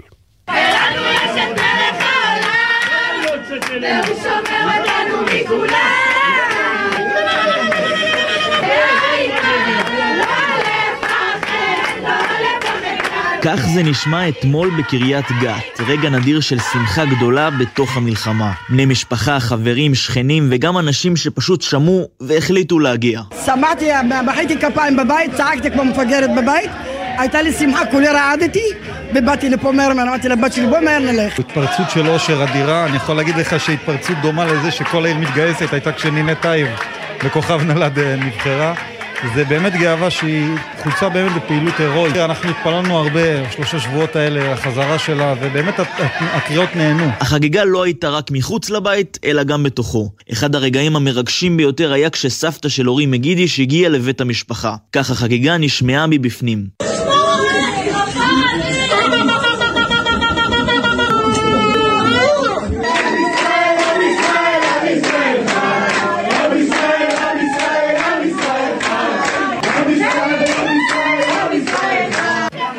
רגע לפני שנכנסה פנימה, שוחחנו עם אחת מקרובות המשפחה. קוראים לי ספיר, בדודה שלי יורי. ספיר סיפרה לנו על התחושות, איך זה מרגיש בתוך המשפחה. מתרגשים ברמות, כאילו אין, אין דברים כאלה. כולם בפנים, אנחנו כאילו מחכות שיכניסו אותנו, אבל כל הדודים בפנים כבר, כאילו כולם פה בהתרגשות שיא, כאילו. יחד עם השמחה הגדולה, החוגגים לא שוכחים את החטופים הרבים שעדיין נמצאים בשבי. הם מודים על חזרתה של אורי ומתפללים לשובם של כולם. נס, בטח זה נס גלוי. כל החטופים והשבויים שיחזרו לבית שלהם בשלום. ומהחגיגה הזו אה, על אה, ההתמודדות של מערכת הביטחון עם שלב נוסף בטרור הפסיכולוגי של חמאס, הסרטון שפורסם אתמול של שלוש חטופות ישראליות בשבי בעזה, שבו אחת מהן מדברת אל אה, ראש הממשלה שיפעל במהרה להחזרת החטופים. דורון קדוש, כתבנו הצבאי, חוזרים אליך, איך מגיבים במערכת הביטחון לתיעוד? כן, אז בואו נתחיל לפי קודם כל מהדברים שאמר אתמול בפומבי דובר צה"ל, תת-אלוף דניאל הגרי על הסרטון הזה, כשהוא אמר, הלב נקרע, חמאס מפעיל נגדנו טרור פסיכולוגי ודווקא בגלל זה עלינו לגלות בעלות חוסן של ברזל וקור רוח, אל לנו לשתף פעולה עם משחק המוחות של חמאס, רק כך נצליח לנצח אותו. עכשיו, כשמסתכלים על הסרטון אפי, קודם כל הדבר החשוב באמת הוא הבשורה שמגיעה ממנו, שזה סימן חיים, ששלוש החטופות האלה נמצאות בחיים ושמצב בריאותן, לפחות בריאותן הפיזית, מצבן אה, טוב, כפי שרואים בסרטון. שלושתן חיות, עכשיו אנחנו גם יודעים ששלושתן נמצאות ביחד בשבי באותו מקום. אפשר אבל ללמוד מהסרטון, מהדברים שאמרה החטופה דניאל, מה חמאס רוצה, מתוך הנחה או הערכה שאת הדברים שהיא אמרה יכול מאוד להיות שחמאס שם בפיה. ומהדברים שהיא אמרה עולה קודם כל שחמאס מבקש הפסקת אש, זה מה שהיא אמרה ודרשה שם מראש הממשלה נתניהו. דבר נוסף שחמאס מעוניין בו זה כמובן שחרור של כל האסירים הפלסטינים. העסקה הזו של שחרור כולם תמורת כולם, כל החטופים הישראלים תמורת כל האסירים הפלסטינים, זה כנראה משהו שחמאס כן מנסה לקדם אותו. לפי הדברים שהיא אמרה בעצמה בסרטון. ועוד דבר שחמאס מעוניין בו זה העמקת השסע הפנימי בישראל, כשהיא מדברת על ראש הממשלה נתניהו ועל האחריות שלו והאשמה של צה"ל והשב"כ ומה הם רוצים לעשות. לא נחזור על הדברים, אבל אפשר להבין בדיוק לאן אה, מכוון החמאס ששם את הדברים בפיה. עכשיו אפי במערכת הביטחון מעריכים שיהיו עוד סרטונים כאלה ככל שיגבר הלחץ הצבאי של צה"ל, של השב"כ, על חמאס, ככל שתעמיק ותתרחב הפעולה הקרקעית ברצועת עזה, כך ההערכה היא שחמאס ינסה לפרסם סרטונים נוספים כאלה כדי להגביר גם הוא מצידו את הלחץ על ישראל. תודה דורון, ובינתיים משפחותיהן של שלוש החטופות המתועדות בסרטון התכנסו להצהרה משותפת בדרישה להשבת כל החטופים, למרות אות החיים שקיבלו הם כמובן מלאי דאגה למצב הבריאותי, הפיזי והנפשי. גל ג'רסי היה אמש בהצהרה המיוחדת. שלום גל. שלום אפי, כמה שעות לאחר פרסום הסרטון הקשה התכנסו משפחותיהן של שלוש החטופות שהופיעו בו ודיברו לתקשורת הישראלית והעולמית. למסיבת העיתונאים הגיעו רמוס אלוני, אביה של דניאל אלוני, בת 44 מניר עוז, היא גם הדוברת בסרטון החמאס, אביטל קירשט, אמה של רימון קירשט מנירים, ונטע אלון, חברה טובה של בנה של אילנה טרופנוב, בת החמישים מניר עוז גם היא. המשפחות נמנעו מלהתייחס לתוכן הסרטון על מנת לא לשרת את מטרות ארגון הטרור המתועב. כל הדוברים התייחסו בעיקר לתקווה שהסרטון הפיח בהם. מדובר בסימן חיים ראשון של שלוש החטופות מאז פרוץ המלחמה. כל החטופות בסרטון נחטפו ביחד עם עוד מבני משפחותיהן. דניאל אלוני נחטפה ביחד עם בתה עמליה בת החמש, אחותה שרון וגיסה דוד, ושתי התאומות שלהם, אמה ויולי בנות השלוש. רמוס אלוני ביקש לפנות בדבריו לשתי בנותיו ולנכדות שלו. בנות, אנחנו רואים אתכם ואנחנו נחזיר אתכם הביתה. דורש. מהצלב האדום שלא יחכה כשחקן על הקווים. חייב לדרוש לראות את כל החטופים שלנו. רימון קירש נחטפה ביחד עם בעלה יגב, שניהם גדלו בעוטף עזה ונחטפו מקיבוץ נירים, ולגבי משפחתה של המשתתפת השלישית בסרטון, אילנה טרופנוב, היא נחטפה ביחד עם בנה סשה ואימה אירנה, בעלה נרצח על ידי המחבלים שחטפו אותם, גם זוגתו של סשה, שביקרה בקיבוץ, נחטפה ביחד איתו. אביטל קירשט, אימה של רימון, סיפרה על התחושות שלה לאחר הצפייה בסרטון. אני לא מאחלת לאף אימא לעבור לעבור את מה שאנחנו עוברות כאן ב-24 ימים האחרונים. ראיתי את הסרט היום, ואני מודאגת. חייבים לשלוח להם עזרה רפואית דחופה. אני לא מאמינה שיש אדם אחד שמאמין שאזרחים צריכים להיות בשבי של חמאס מתחת לאדמה. ככל שהמלחמה עוברת לשלביה הבאים, כנראה שגם החמאס יגביר את הלוחמה הפסיכולוגית. המשפחות מנסות להיות חזקות ככל האפשר ולהתרגל לכך שמאבקן רחוק מלהסתיים. תודה גל, בהחלט אה, דיסוננס בין מצד אחד אה, אות החיים לבין מצד שני כמובן הטרור הפסיכולוגי. מצטרפת אלינו שירי גרוסברד, היא מנהלת המטה להשבת סשה טרופנוב, סשה הוא בנה של ילנה שנראתה אתמול בסרטון עם שתי החטופות הנוספות. שלום שירי גרוסברד. בוקר טוב. איך באמת uh, מגיבים לסרטון שכזה? מצד אחד רואים שילנה בחיים, אבל עדיין לא יודעים מה עלה בגורל סשה ובני המשפחה האחרים. תחושות מאוד מורכבות, זה, זה בדיוק כמו שאמרת, שמחנו לראות את אות החיים, אנחנו גם uh, בתוך, בתוך מטה החטופים אנחנו ככה קבוצה קצת, uh, קצת שונה, קצת משונה, אין, uh, הסיפור הזה הוא, כל הסיפורים הם טרגיים, אבל הסיפור הזה הוא טרגי במיוחד, לא, לא נשארו בעצם בני משפחה. משפחת טופנוב כולה, או נרצחה, או נחטפה. אה, אז אנחנו ככה כולנו מעגל של, של חברים, ו, ותוך כדי שהסרט מתפרסם, אני, אני יחד עם כל המשפחות, ואנחנו שמחים שאנחנו רואים את לנה ושהיא נראית בריאה, ואנחנו גם uh, כואבים והלב שלנו יוצא, כי יש שם עוד 239 משפחות שכל מה שהן רוצות זה לשמוע שהאהוב שלהם והיקיר שלהם והילד שלהם והאח שלהם והסבתא שלהם בסדר. Mm-hmm. זו תחושה, תחושה מאוד מורכבת. כן. באמת. הגופה של בעלה של ילנה ויטלי נמצאה עשרה ימים אחרי, תחיל, אחרי 7 באוקטובר, קרוב מאוד לגבול עם עזה, בעצם אנחנו לא יודעים אם היא יודעת בכלל שהוא אינו בין החיים. אמת. אמת, אנחנו גם משערים שאימא שלה אה, נמצאת איתה, אה, כי בעצם אה, אה, ויטלי ולנה ואירנה, שזו אימא של לנה, היו בדירה אחת, בבית שלהם, וסשה וחברתו שהגיעו ככה לסוף שבוע לקיבוץ, שהו במקום אחר. ולמיטב ידיעתנו, שוב, כולם נחטפו, אבל כנראה לא, לא, לא באותו מקום, לא על ידי אותם אה, שובים. ומהיכן את מכירה את סשה טרופנוב? תקשיב, אני לא באמת מכירה את סשה טרופנוב. משהו ב, בסיפור הזה הרג אותי. לא, לא, לא יכולתי להישאר, אה, מה שנקרא, אה, אדישה אליו, כי אין שם משפחה. מכירה את סשה מאוד מאוד מרחוק, עבדנו יחד. כמו שאני אומרת גם בכל התקשורת הבינלאומית אה, הזרה, בני ישראל ערבים זה לזה. אה, וכולנו עומדים אה, במקרים האלה, ופשוט זה, זה החמ"ל של סשה. חברים מן היקב, מן הגורן, מישהו מהצבא, מישהו מהעבודה, מישהו מהלימודים. ואנחנו מנסים בכל זאת ככה לזעוק את זעקתה של המשפחה הזאת ש, שאין. גם בניר עוז ספציפית, 75 אנשים נחטפו. קיבוץ מפורק, הם יושבים כרגע באילת. הם כמובן עושים כל מה שהם יכולים, אבל באמת שהקשב והפניות בין ההלוויות לבין אה, הטראומה שהם עברו, זה, זה לא פשוט, כל הסיפור הזה. אז נרתמת ככה בשל העובדה שאת אה, ככה מכירה אותו מרחוק מעבודה, לסייע למשפחה המפורקת, בתוך המטה, כמו שאמרת, של עוד 238 חטופים, אה, שאנחנו עדיין לא יודעים מה עלה בגורלם. אה, אתמול רמוס, האבא של, של משפחת אלוני, דיבר על כך שחייב, שהצלב האדום חייב להיכנס לעניינים. האם את גם חושבת שהישועה, נקרא לזה ככה, תגיע מהצלב? האדום אולי? אין לי מושג ואני לא פוליטיקאית, אני לא מכירה מספיק טוב את הצלב האדום. אני כן חושבת שבסיטואציה כזאת, שזה 239 אזרחים, הצעיר שביניהם זה תינוק בן תשעה חודשים ומבוגרת זה אישה בת 87 על כיסא גלגלים, בהחלט, אני לא יודעת אם הצלב האדום, אבל העולם כולו. אנחנו בחרנו אתמול לפנות בעצם באנגלית במסיבת עיתונאים שלנו ולפנות גם לביידן, אחד החברים של סשה הוא גם אזרח אמריקאי. אני לא יודעת אם זה הצלב האדום, אני לא יודעת מי, אבל, אבל אף מדינה, אף מדינה בעולם לא הייתה מוכנה אה, לעבור על דבר כזה. מצליחים לשמוח? כרגע כן. זה ייתן המון להורים. לשמוע שהילדים שלהם בסדר. אתמול התרגשתי מאוד לראות את אה, אה, הוריה של רוני אשל, תצפיתנית שנחטפה ושנעדרת, עדיין לא יודעים אה, מה עלה בגורלה, יושבים באולפן אצל יונית לוי, וממש ממש שמחים בשמחתה של משפחת מגידיש, אחרי השחרור של אה, טוראית אורי. אה, שמחים שמחה מלאה לחלוטין עם המשפחה הזאת.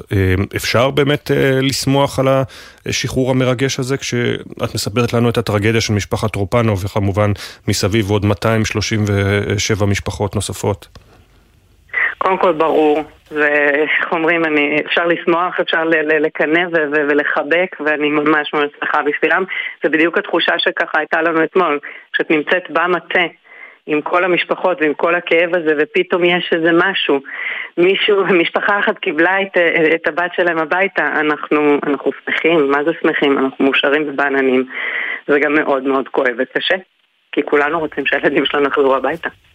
אבל, אבל זה המורכבות, זה באמת המורכבות. אכן. שירי גרוסברד, נקווה לבשורות טובות גם בהמשך, מנהלת המטה להשבת אה, סשה טרופנוב, בנה של ילנה, אה, שאנחנו יודעים שהיא שם נחטפה, כנראה גם סשה ואימה של ילנה שם איתם. תודה רבה שדיברת איתנו. וגם בזוגתו, ספיר כהן. וזוגתו, חברתו של סשה. כן, ספיר חברתו. בשורות טובות. נקווה, תודה רבה. תודה. הלחץ הבינלאומי ובפרט האמריקני נותן את אותותיו. אתמול הודיעו בבית הלבן שישראל התחייבה להגדיל את הסיוע ההומניטרי הנכנס לרצועה. בלשכת ראש הממשלה מיהרו להגיב, לאשר ולהסביר, כתבנו המדיני יניר קוזין, איך זה באמת מתיישב עם מטרות המלחמה. בוקר טוב. שלום אפי, בוקר טוב. כן, אז אנחנו uh, צריכים להסתכל כאן על האסטרטגיה של uh, ישראל. אני מזכיר לך בימים הראשונים, אפי, התפיסה הייתה שצריך לחנוק את חמאס, כן? לא לאפשר כניסה של שום uh, מצרך כזה או אחר, בין אם הומניטרי ובין אם דברים אחרים, וזה משתנה, זה משתנה באופן ברור אחרי הלחץ האמריקני. אתמול uh, דובר המועצה לביטחון לאומי בבית הלבן, ג'ון קירבי, אומר בתדרוך לכתבים שראש הממשלה נתניהו הצהיר על מחויבותו בשיחת הטלפון שלו עם ביידן, שישראל תתמוך בהגברה משמעותית. משמעותית של זרימת הסיוע ההומניטרי לעזה, וזה הגברה משמעותית, אפי, זה כניסה של הרבה מאוד דברים שלא ראינו עד עכשיו, גם ציוד רפואי אה, משוכלל, גם כמובן אה, תרופות, אה, מזון וכן הלאה, מים שישראל מעבירה באופן ישיר. בלשכת ראש הממשלה הסבירו שהסיוע ההומניטרי מאפשר לישראל מרחב פעולה חשוב כדי לממש את, את מטרות המלחמה, ואומרים כלל המשלוחים מיועדים לאוכלוסייה האזרחית, אם יתברר שהם נלקחים על ידי חמאס הם יופסקו. גם פה צריך לומר, הבירור הזה, אם חמאס משתמש שלו, הוא מורכב וקשה, ובכל מקרה ישראל ממשיכה לאשר העברת סיוע הומניטרי אה, בכמויות הרבה יותר גדולות ממה שראינו עד כה, בלי התניה בשלב הזה מהצד השני לדרישה לקבל משהו, כפי שדיברת מקודם, מהחטופים הישראלים שלנו. ולעניין נוסף, אתמול פורסם שראש המוסד אה, דדי ברנע ביקר בסוף השבוע בקטאר, במסגרת המאמצים לשחרור החטופים. הקשר עם קטאר לא נותק להפך, ויניר, אתה מספר לנו הבוקר שלקשר הזה יש השלכות נוספות, בהן מניעת סגירת אה, אל-ג'זירה בישראל, ואתה מקבל אישור רשמי מגורם ישראלי.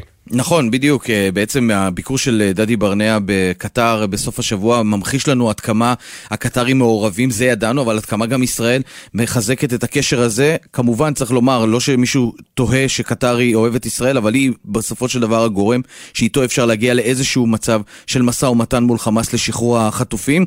ואכן כך, אה, אל-ג'זירה אה, לא תיסגר, לא בשלב הזה וכנראה לא בקרוב, אחרי שהממשלה אישרה את התקנות שיאפשרו את סגירת אל-ג'זירה. אני מזכיר לך את הלחץ של שר התקשורת קרעי, גם האשים את היועצת המשפטית לממשלה שלא מאפשרת את זה. הממשלה אישרה את התקנות, אבל בפועל לא מביאים את הסגירה. גורם מדיני אומר לנו, העניין הזה לא נמצא על הפרק, זה לא שראש הממשלה מעכב את זה.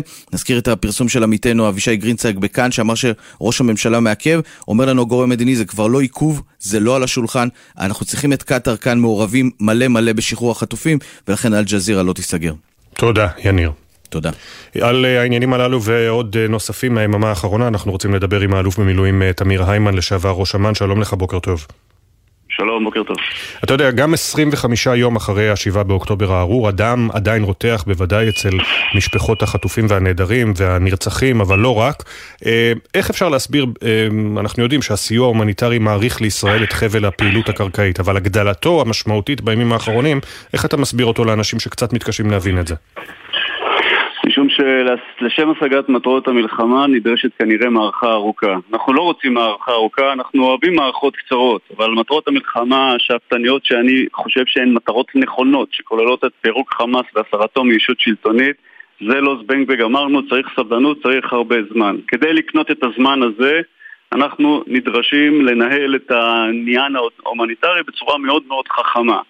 וזאת משום שאנחנו, בניגוד לאויבים שלנו, לא מרעיבים אוכלוסייה ולא, ולא פוגעים באנשים שהם, שהם חפים מפשע בצורה מכוונת. אנחנו נחושים להחזיר מנה אחת אפיים לכל מי שטבח בנו בשבת השחורה ואנחנו נעשה הכל כדי להשיב את החטופים אבל עדיין אנחנו לא מרעיבים אוכלוסייה לא מכניסים שום דבר שתומך את מאמץ הלחימה ולכן דלק לא נכנס אבל כן, יוצרים את התנאים שמאפשרים הערכה ארוכה, וזה מסביר את העניין הזה, זה מתח מאוד עדין, ומנהלים אותו, אני חושב, בצורה נכונה. בשעה זו. מהמידע שאנחנו רואים על אה, ירידת אה, התושבים אה, מעזה מעבר לנחל עזה לדרום הרצועה, מדברים כבר גורמים ישראלים רשמיים בצה"ל על כמיליון תושבים שהגיעו לשם, זה אומר שהמאמצים של חמאס למנוע מהם לעשות את זה נכשלים?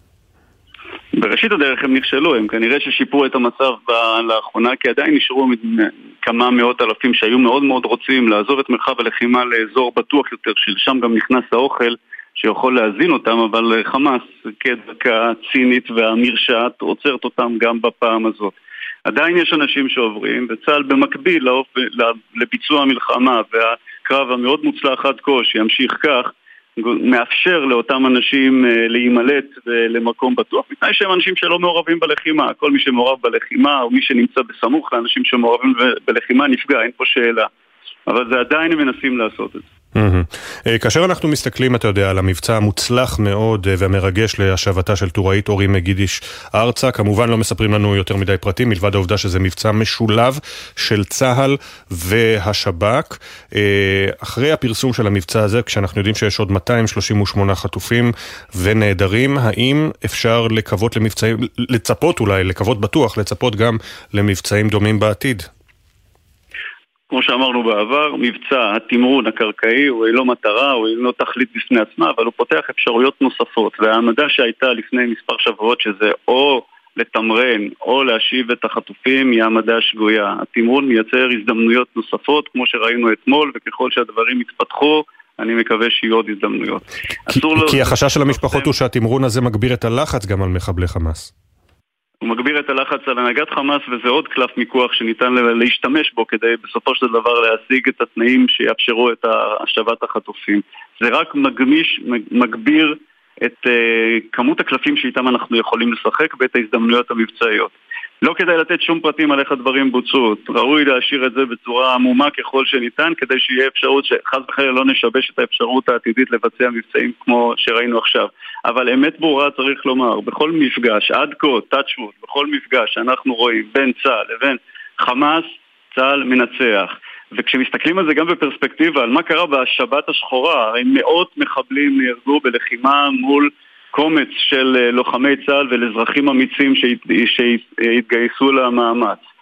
צה"ל הוא אותו צה"ל שאנחנו מכירים, והאמירות השחורות על אובדן הכשירות ועל החשש מלהיכנס לתמרון כי צריך להתאמן איזה שנה שלמה ועדיף לא, להישאר בחוץ ולא להיכנס, אני חושב שבשלב זה זה מוכח כמופרך. זה לא טיול בפארק, אנחנו רק ההתחלה, יש עוד הרבה לפנינו, ויהיו כנראה ימים קשים. אבל מה שרואים כרגע זה פעולה מקצועית, נחושה, קטלנית, ששומרת על החיילים שלנו ו... ומביסה את uh, גדודי חמאס שנמצאים בחזית, ואני מאמין שזה גם יימשך כך, וככל שדברים יתקדמו, יהיו לנו יותר קלפים להשאיר את החטופים. ואם בשביל להשאיר את זה זמן רב, צריך לא להרעיב את האוכלוסייה ולהכניס להם קצת אוכל ומים, אני אומר בואו נכניס להם את זה כדי לאפשר את המטרות של המלחמה. אה, שמענו הבוקר גם על הריסת ביתו של סלאח ארורי אה, בכפר ארורה באזור אה, בנימין, בחבל בנימין, כמובן הוא לא נמצא שם כבר שנים ארוכות, האיש המתועב הזה, יש פה חשיבות מעבר לסמל של, שהוא רואה מחו"ל את בית משפחתו נהרס? אני, ברור, אם היה אפשר, מפקדי החמאס בעזה היו הורגים אותו. האיש אה, שמדבר הרבה ומנסה להבהיר לנו את יהודה ושומרון, אה, הוא איש רע, איש שדינו בסופו של דבר לעבור מן העולם. במעשים שנעשו יש איזושהי אמירה על כך שחלק מאנשי חמאס נשענים, מוגנים בתוך בירות רחוקות, הרחק מידה של ישראל בשעה, לעת זו, נאמר כך, והם נותנים לה... אחרים לעשות את המלחמה עליהם. וצריך לומר כאן על מי שמגן על אה, האוריה, יושב בחסות אה, חיזבאללה וגם שם יש לנו חזית פעילה, נסראללה עתיד כנראה לנאום ביום שישי וכדמגוג טוב הוא יגיד חצאי אמת על ההישגים שלו עד כה, בריתוק צה"ל ובפינוי היישובים, הוא רק לא יגיד את הדברים האחרים. שבשלב זה הוא נוחל תבוסה בגבול הצפון. ההישגים של צה"ל בהשמדת המחבלים שיורים, מתכוונים לירות עלינו הם גבוהים, הוא כבר איבד אה, קרוב ל-50 אה, מלוחמיו כאשר הנזק שהוא מייצר לישראל הוא יחסית קטן. כל אחד שעבד בקרב בצפון הוא עולם ומלואו, אבל באופן יחסי הנזק הוא יחסית uh, קטן.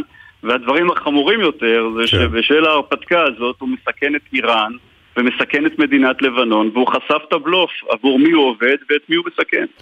אה, שאלה, אני יודע שזו שאלה ארוכה, אבל ברשותך תשובה קצרה, האם אה, להערכתך בישראל כבר עוסקים ביום שאחרי, מי יירש את חמאס בעזה, או שעדיין לא מגיעים לזה בשל אה, העובדה שמדובר במבצע מורכב? תלוי ברמת ה... תלוי ברמה, ברמה הטקטית והאופרטיבית אף אחד לא עוסק בזה והם שילחו וינצחו ויכריעו את חמאס. ברמה האסטרטגית המדינית תהיה, זה יהיה לא נכון וזה יהיה קוצר רוח מדיני שלא לחשוב על עיצוב של היום של אחרי. האלוף במילואים תמיר היימן, מנהל המכון למחקרי ביטחון לאומי INSS, לשעבר ראש אמ"ן, תודה רבה לך, בוקר טוב שיהיה. אה, אה, דבר. רבבות בני אדם פונו מבתיהם מצפון ומדרום למקומות שאמורים להיות בטוחים יותר, אך אתמול חלק מתושבי שדרות, נתיבות והעוטף שפונו למלונות בירושלים שמעו קולות מוכרים שקיוו שלא לשמוע יותר קולות של ירי ובהלה, הם מצאו עצמם לפתע מאות מטרים בלבד מזירת פיגוע בבירה. כתבתנו נועה ברנס שמעה מהם על התחושות. הייתי פה בלובי עם אמא שלי ושמעתי יריות אז החלטתי לראות ולבכות. אני הייתי עם החברים שלי, שיחקנו פה בחצר של המלון האמצעי ושמענו את היריות. המפונים מצפון ומדרום עברו למקומות שאמורים להיות בטוחים יותר עבורם לעת עתה. מאות תושבים משדרות, נתיבות ועוטף פונו לקבוצת מלונות בירושלים בין מאה שערים לשייח' ג'ראח. אתמול בשעות הבוקר שמעו קולות מוכרים שקיוו לא לשמוע שוב לעולם, כשמצאו עצמם מאות מטרים בלבד מזירת פיגוע. גם פה בירושלים, בכל המדינה, מתוחה מאוד. לא מסתובב חופשי, תמיד בחשדות. יותר בטוחים משדרות, אבל גם לא, כי יש גם פה פיגועים. אין לנו מקום בטוח לבינתיים בישראל. הרגשנו בטוח על הפיגוע הזה, פשוט שמענו יריות וראיתי אנשים רצים. מיכאל גר בשדרות יותר מ-30 שנה. היא הבית שלו, כמו שהוא מכנה אותה, עיר הקודש, הירושלים שלו. אתמול שמע עם ילדיו את ירי נטרול המחבל בפיגוע בירושלים, רעש שהחזיר אותו לשבעה באוקטובר, כשהיה בדרכו לבית הכנסת בשבת. טילים תפסו אותי בדרך, מהבלים מול העיניים שלי, אני נופל מול המהבלים, מתחת לבית שלי. אנחנו כרגע מפונים מביתנו, גלות שנייה. הילדים שלנו רועדים עם הקסמים. אני לא יודע היום איך הילדים שלי, את הלב שלהם, את המקשבה שלהם, במה לפצע אותם. אנחנו מדברים בפתח בית המלון, ובכל רגע עוברים לידינו ילדים. אחד מחזיק כדור, אחר אוחז תיק גדול ממנו. ממנו, אולי עם כל החפצים שהספיק לקחת מהבית, אמהות שסוחבות עגלות, כולם הגיעו במטרה למצוא שפיות ושקט. אוקסנה משדרות גם היא חושבת שוב מה המקום הבטוח ביותר לבנותיה. בשבת, לפני שידענו שיש את החדירה של המחבלים, יצאנו מהבית. כשנתקענו בכוח ימם הוא פשוט התחיל לצרוח עלינו, מה אתם עושים בכביש? התחלנו פשוט לנסוע בין השכונות, לעלות על מדרכות כדי לא לעלות על גופות. פשוט החזיר אותנו לאותו יום שבת שממנו ברחנו, ועוד הפעם כל הפחד צף וכל הבהלה שוב פעם עלתה לנו. קולות הירי ובהמשך גם האזעקות בירושלים השיבו גם את מאור לאותה. שבת, בה ישב יותר מיממה בממ"ד בשדרות. חשוב לו להעביר מסר. הוא מבקש ביטחון. אנחנו לא סתם יושבים בבית מלון, לא בבית. יש לנו מטרה. פעם אחת שאנחנו נחזור לשדרות למציאות חדשה לגמרי. אם לא יהיה ודאות ביטחונית במקום הזה, יהיה קשה מאוד מאוד לאנשים לחזור. אם היינו פה חודשיים ולא עשיתם את זה, זה כישלון הרבה יותר גדול בשבעה לחודש. בעיתות שגרה, כוחות הביטחון וההצלה יודעים היטב כיצד להתמודד עם שריפות, אבל מה קורה כשבזמן הפעילות יש חשש לירי מלבנון? ביער בין כפר גלעדי לתל חי ניצתה אתמול שריפה בעקבות נפילת פצצת מרגמה ששיגר חיזבאללה. האש השתוללה, הכביש נסגר לתנועה, ומסוקי כיבוי לא יכלו להגיע. הדס שטייף שלנו הייתה בשאר ישוב, וחזתה בהתמודדות החריגה. המושב על גבול לבנון מאוים גם על ידי סוריה, נצרב בתודעה בשל אסון המסוקים. אסון בו נהרגו 73 חיילים. האנדרטה לזכרם בכניסה למושב היא העדות האילמת לאסון. כמו כל יישובי הגבול, גם בשער ישוב נשארו להגן על הבית כיתת הכוננות וחיילי צה"ל. אתמול בבוקר נראתה היטב שרפה גדולה ביער על צל ההר בין כפר גלעדי לתל חי. ארז סופר, הרבש, מבהיר. השרפה ככל הנראה מירי מרגמות או שרפה קטנה שהייתה מאתמול בערב בטיפה רוח והכל התחיל להתפשט. כרגע הבנתי שמכללת תל חי יצאה מכלל סכנה, אבל זה מושך לכיוון אה, כפר גלעדי. לכבות את השרפה לא קל. הכבישים נחסמים כדי שלא תיווצר מלכודת אש, לקחי אסון הכרמל. איום החיזבאללה מעל, לא מוסיף, אומר ארז. ביום רגיל היו עכשיו צריכים להיות שלושה ארבעה מטוסי כיבוי שנותנים פה סיוע מהאוויר. בגלל שהאזור פה הוא הררי, הכבאיות הן פחות אה, רלוונטיות, כן, הן לא יכולות לעלות, לעלות בתוך הצירים. והמטוסי כיבוי הם ממש מהותיים, קריטיים פה. גם בצפון הייתה תחושה שמשהו מתרחש. לפני מספר חודשים הופץ ביישובים מכתב אזהרה לתושבים מפני אפשרות שהחיזבאללה ינסה לפשוט על היישובים. רק שהמכתב נראה רחוק מהמציאות. השבעה באוקטובר מלמד אחרת. תקלה לפתע בקשר. מבהיל. תתקשר אל הפטרול, תגיד לו שתפוס אותו ב... אולי גם הוא ינמיך את הקשר. זה דברים שמאוד מטרידים. אני אעלה מולו בטלפון. שמנו בחורה מבוגרת שכל היום הילדים שלה מתקשרים אליה, היא לא רוצה לצאת מהבית, היא לא רוצה להתפנות. היא רוצה להישאר בעיקר במבוגרים, הם לא רוצים מלון, לא רוצים שום דבר, הם רוצים רק את הפינה שלהם. ומתקשרים אליה, שמע, היא לא עולה לנו מהבוקר, תעשה לי טובה, תקפוץ אליה, תבדוק מה קורה. סיבוב במושב מגלה שוחות חפורות סמוך לגדר, להתחפרות אם צריך, הכל מוכן, כולל כל האמצעים הנדרשים. החקלאים שנשארו במושב בבעיה, הם רוצים להגיע לשטח ולעבוד, מסביר גדי. לשדות שבעצם צפונית לקיבוץ דפנה והם מאוד קרובים לגבול, כרגע הם לא יכולים להגיע, אבל uh, התחלנו היום לטפל בזה שנשים שם איזושהי מיגונית. בינתיים, בין בום לבום, מנסים ככל האפשר ליצור שגרה, גם לכל מי שנשאר כלשונם, לשמור על הבית. רק האש, תוצאה מנפילת הפצמ"ר שממשיכה לבעור, מלמדת אחרת. 7.38 ועוד חצי דקה כותרות. כוחות צה"ל הרסו הלילה את ביתו של סגן ראש הלשכה המדינית של חמאס סלאח ארורי, האחראי על פעילות ארגון הטרור ביהודה ושומרון. ההריסה בוצעה בכפר ארורה שבחטיבת בנימין. גורמי ביטחון מעריכים בשיחה עם כתבנו הצבאי דורון קדוש שארורי ידע היטב על התוכניות המבצעיות של חמאס עזה למתקפת 7 באוקטובר והכיר את הכוונות, אך מעריכים שלא ידע על התזמון המדויק כדי לשמור על מידור הפעולה ולהסתירה מישראל. בדרום, התרעות צבע אדום הופעלו הבוקר בעוטף עזה, בצפון מטוסי קרב תקפו הלילה תשתיות תשתיות של חיזבאללה בלבנון והשמידו עמדות, אתרים ואמצעי לחימה ששימשו את ארגון הטרור.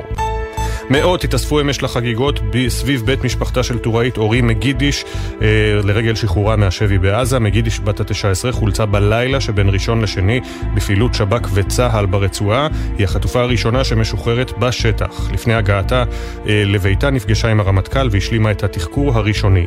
דובר צה"ל, תת-אלוף דניאל הגרי, אמר כי אורי ידעה למסור פרטים רבים שיסייעו בהמשך המבצע. האלוף במילואים תמיר היימן, לשעבר ראש אמ"ן, אמר בריאיון בבוקר טוב ישראל, תהיה אפשרות כך אני מאמין, לחילוצים נוספים. התמרון מייצר הזדמנויות נוספות, כמו שראינו אתמול, וככל שהדברים יתפתחו, אני מקווה שיהיו עוד הזדמנויות. זה רק מגביר את uh, כמות הקלפים שאיתם אנחנו יכולים לשחק ואת ההזדמנויות המבצעיות. לא כדאי לתת שום פרטים על איך הדברים בוצעו.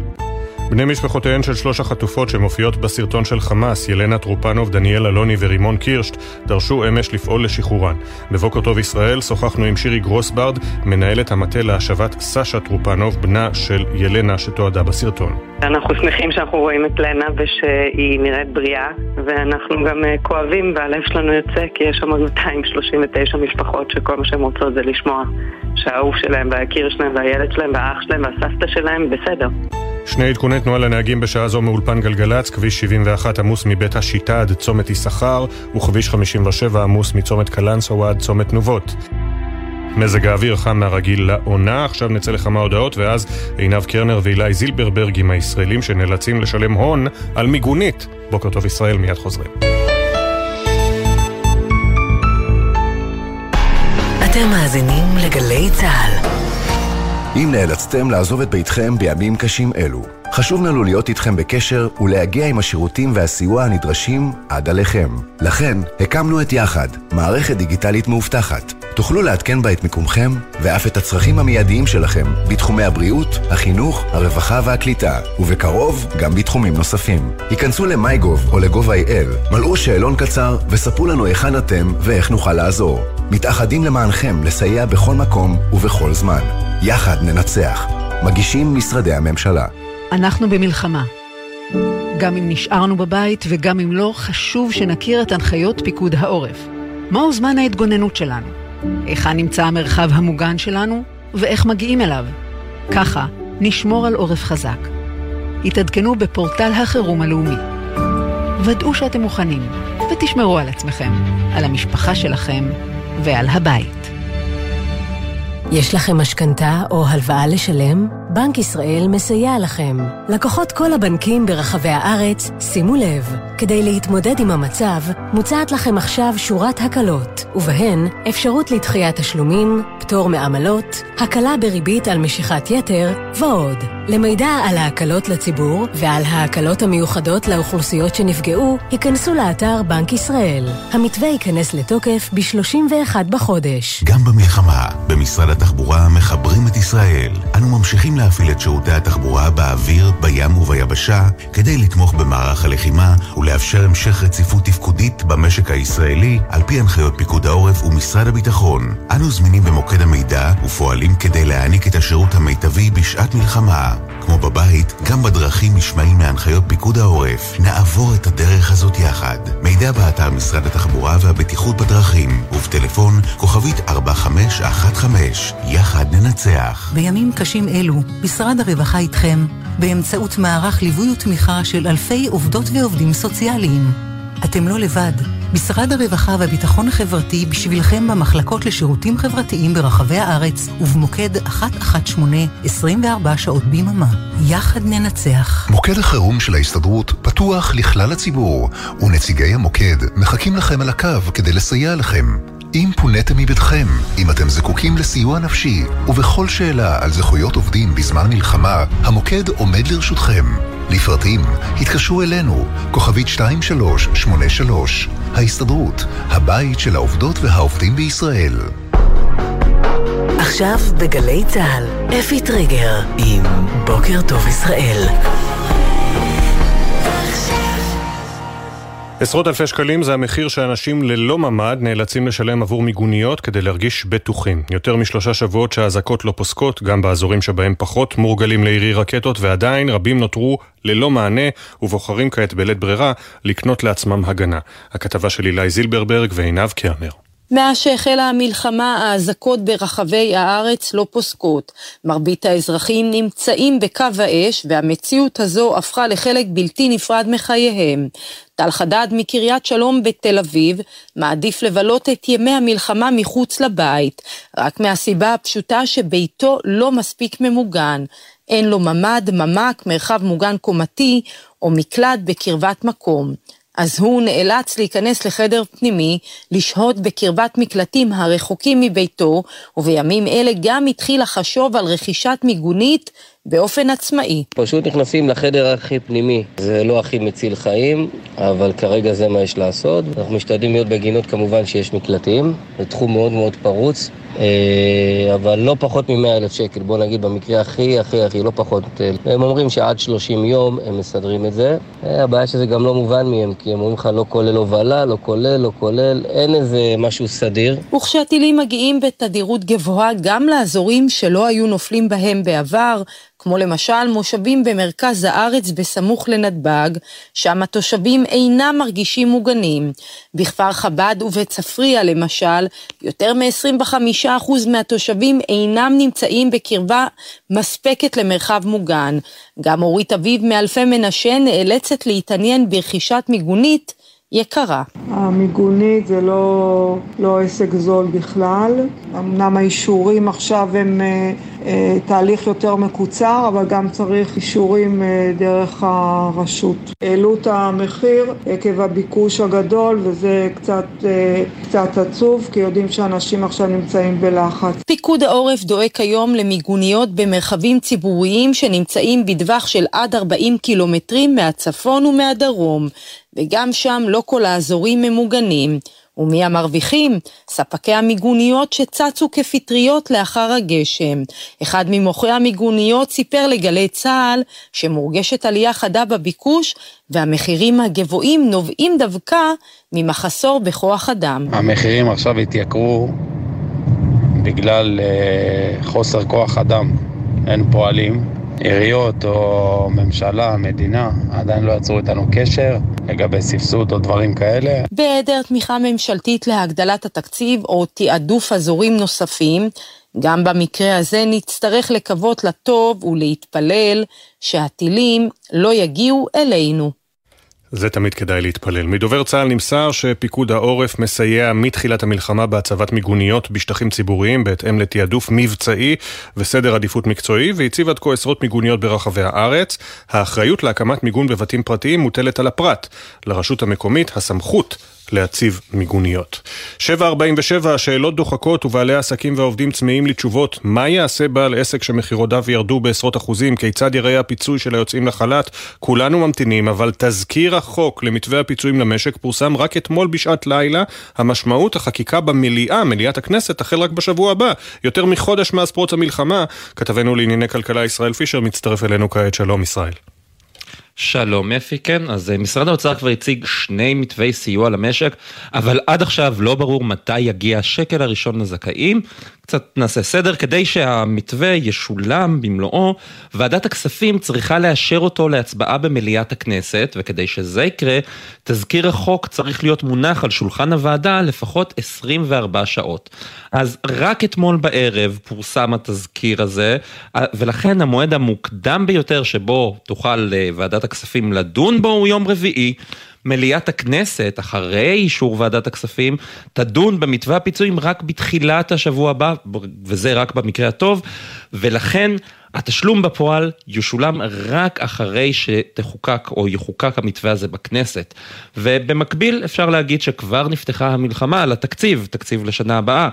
אתמול פרסמו 300 כלכלנים בכירים מכתב חריף לראש הממשלה ולשר האוצר, שבו ניתן שהם לא מבינים את חומרת המצב וכי יש לפתוח מחדש את התקציב ל-2024. שר האוצר סמוטריץ' אמנם הכריז על התאמות עמוקות, אבל לא על פתיחת התקציב באופן מלא. חבר הכנסת אליהו רביבו מהליכוד קרא אתמול לסמוטריץ' להכריז על חקיקה מחדש של תקציב 2024, וגם יושב ראש ועדת הכספים, חבר הכנסת משה גפני, מסכים שיש צורך בפתיחת התקציב, אבל צריך לזכור שהאמירות האלה הן בסך הכל קדימון למלחמת כיפופי הידיים על הקיצוצים החדים מאוד שיידרשו. תודה ישראל. העובדים והעובדות הסוציאליות רגיל, רגילות לעבוד עם סיפורים מורכבים ועם עומס במערכת, אבל את ההתמודדות הזו אי אפשר היה לחזות. כעת, כשעשרות אלפים פונו לאילת, עיר הנופש והתיירות שהפכה לעיר מקלט, העובדות הסוציאליות שם מנסות לתת כתף תומכת למי שחוו את הזוועות. על ההתגייסות שלהן למשימה, הכתבה של שירה שפי. הסברתי למשל לילדים שלי שאני בצו 8, שאני ממש כמו חיילת. המתגייסת היא אתי וקנין, עובדת סוציאלית ותיקה בעיריית אילת. עם חברותיה מהמחלקה לשירותים חברתיים, הן היו הראשונות לפגוש את עשרות אלפי המפונים שהגיעו לעיר. מי שהצליח לארוז מזוודה קטנה, ומי שהגיע אפילו בלי נעליים לרגליו. אילת אה, בעצם הכפילה את עצמה, יש פה כ-60 אלף תושבים לפגוש את המפונים ברגעים הכי קשים וטראומטיים שלהם, בהתגייסות מלאה ממש כמעט 24-7. גם כעבור 25 יום, מספרת עמיתתה למחלקה הגר זינו, יש מי שרק מתחילים לספר על השעות השחורות של אותה שבת. לקח קצת זמן והדברים מתחילים לצוף, החרדה הקיומית שאופפת אותם, הם פשוט הפכו להיות פליטים. כל אחת מהן עם ותק שנים דו-ספרתי מאחוריה. אך האירוע הזה היה תקדימי גם מבחינתן. הן הפסיקו מזמן לספור את השעות הנוספות שהצטברו, ופוגשות יום-יום את המפונים בטיפולים אישיים, קבוצתיים, למשפחות, לזוגות, לכל הרכבי החיים שהתגלגלו לפתחן. זה משהו שלא הכרנו כמות כזו של אנשים עם טראומות כאלה, לפגוש אימהות שהילדים שלהם אה, נחטפו, לפגוש הורים שהילדים שלהם נהרגו, הטלפונים שלנו אצלם, אנחנו מתקשרים אליהם. גם בימים שקטים לא חסרה עבודה. כעת הגר מנסה לשלב בין המטופלים תושבי העיר, המתמודדים גם הם עם המלחמה, לבין האורחים החדשים. השגרה שלנו היא נעצרה. המשפחות שאנחנו ביום יום בקשר איתן, אני באופן אישי מתעסקת עם אוכלוסיות מיוחדות, בכל זאת מי שנמצא הוא סופר מגויס, הורים לילדים קטנים, הורים שבעצמם יש להם ילדים בצבא. זו לא עבודה שנשארת במשרד אחרי שסוגרים את הדלת. כשהן מוקפות בסיפורי הזוועה, אבל חייבות לשמור על יציבות, כל אחת מוצאת דרך לצלוח את הימים והלילות. שומרת על עצמי עד היום אה, באיזשהו מקום קצת של הדחקה, אני משתמשת במנגנון הגנה, כי אם אני לא אשתמש בו אני לא אצליח להחזיק. ממש נזהרתי שלא להיכנס למדיה, לישון, להתפלל, לי זה עוזר, לשמור את התקווה. אנחנו נחזור בעזרת השם, ו- ואנחנו נצא מזה בעזרת השם. 7.51 ועוד חצי דקה. בין אם זה בשולחנות שבת ריקים, עגלות ריקות, או בשחקני נבחרת ישראל בכדורגל עולים אל כר הדשא ללא ילדים, יוזמות רבות מנסות להמחיש את חסרונם של החטופים, שברגעים הקטנים ביום-יום עדיין לא כאן, איתנו. הפעם משפחות החטופים מניר עוז ומטה המאבק יצאו במיצג של יותר מ-230 מיטות ריקות בלב ירושלים. על המאמץ הנוסף להעלאת המודעות, הכתבה של ענבר פייבל. על אחת מהמיטות הריקות שהוצבו אתמול בכיכר ספרא בירושלים, הונחה בובה של דובי. ליד אחרת נעלי בית, ועל מיטה נוספת, מצעים של ספיידרמן. כל אחת מהן יותר מ-230, מייצגת חטוף שלא ישן במיטה שלו כבר שלושה שבועות. אחת מהן היא דיצה היימן, בת ה-84 מניר עוז. בתה נטע היימן מינה דואגת לה מאוד. כשמגיעים הנה ורואים את המיטות, אז התהייה, איפה אימא שלי ישנה הלילה? יש לה שמיכה, יש לה כרית, היא מקבלת את התרופות שלה. יותר מ-70 מיטות פה שייכות רק לקיבוץ ניר עוז, לשכנים שלה, להורים של החברים שלי. קיבוץ ניר עוז עבר טבח נוראי, וגם כשהאנשים האלה יחזרו, המיטה שלהם לא מחכה להם. מיצג המיטות הריקות נוצר בעזרת עשרות מתנדבים שתרמו חפצים אישיים. האומן ערן ובר, היוצר, מספר מה עומד מאחוריו. המקום הכי הכי בטוח ושקט ואינטימי, ולקחת את המיטה הזו ולהכפיל אותה עכשיו בכמות של האנשים שלא ישנים עדיין בבית. אני אבא לשתי ילדות, והמחשבה שיש ילדים קטנים שישנים בסיטואציה הזאת בעזה זה משהו בלתי נתפס. את המיצג יזמו ניצולי קיבוץ ניר עוז ומשפחות החטופים. הקיבוץ, שמרחקו מרצועת עזה הוא פחות משלושה קילומטרים, ספג מכה קשה. מתוך כ-400 תושביו, כרבע נרצחו או נחטפו. כעת מה שעומד מול עיניהן של המשפחות שנותרו, הוא השבת יקיריהן הביתה. כך מספר אמיר אלפסה, שדודו אבנר גורן נרצח, ודודתו מאיה נחטפה לעזה. מאיה, חוץ מההודעה הזאת מהצבא שהיא חטופה, אין לנו שום תיעוד כלשהו ממנה שם. זה המון חוסר ודאות. באותה שבת ההורים שלי היו בחו"ל, אמא שלי התכתבה עם אח של הדוד שלי, שפשוט כותב לה שיש מחבלים בקיבוץ. היא מספיקה לכתוב לו שהיא אותו, ומאז הקשר איתו נותק. עבר כל כך הרבה זמן, אבל אנחנו במאבק, הקיבוץ הזה באמת מנסה להשתקם כרגע. כל מה שהם, שהם רוצים זה שאנשים יחזרו. מאיה שושני משה גדלה בקיבוץ. אביה סעיד משה בן ה-75, שהיה מומחה לגידול תפוחי אדמה, נרצח. אמה עדינה בת ה-72 נחטפה. ברקע האבל הכבד, מאיה מבקשת להתמקד במה שעוד אפשר להציל. אנחנו מרגישים שאנחנו מתמודדים במלא חזיתות. כרגע ברור לנו שהחזית הכי הכי חשובה, הכי דחופה, זה החזית של החזרת החטופים. ויש את החזית של האבל על אבא שלי, יש את החזית של הקיבוץ ש... שהושמד. לאימא שלי לא יהיה בית כשהיא תחזור. בין כל החזיתות האלה אנחנו חייבים, חייבים להיות ממוקדים כרגע במה שכן אפשר להציל. בסיום המיצג, כל המיטות שהוצבו בכיכר ספרא יתרמו לתושבי העוטף והדרום. את המיטות הריקות ימלאו מי שנותרו גם הם ללא מיטה ובית, בתקווה שבקרוב יוכלו לחזור לישון בבטחה. וממיזם אחד לאחר, אמש מטה משפחות החטופים והנעדרים פתחו במיזם שמטרתו לחבר בין סיפורי החטופים לאומנים שיחשפו אותם בפני הקהל שלהם. כתבת התרבות מאיה קרן הצטרפה אליהם לאירוע ושמעה על התחושות הקשות והתקווה שעוזרת להם להמשיך לפעול.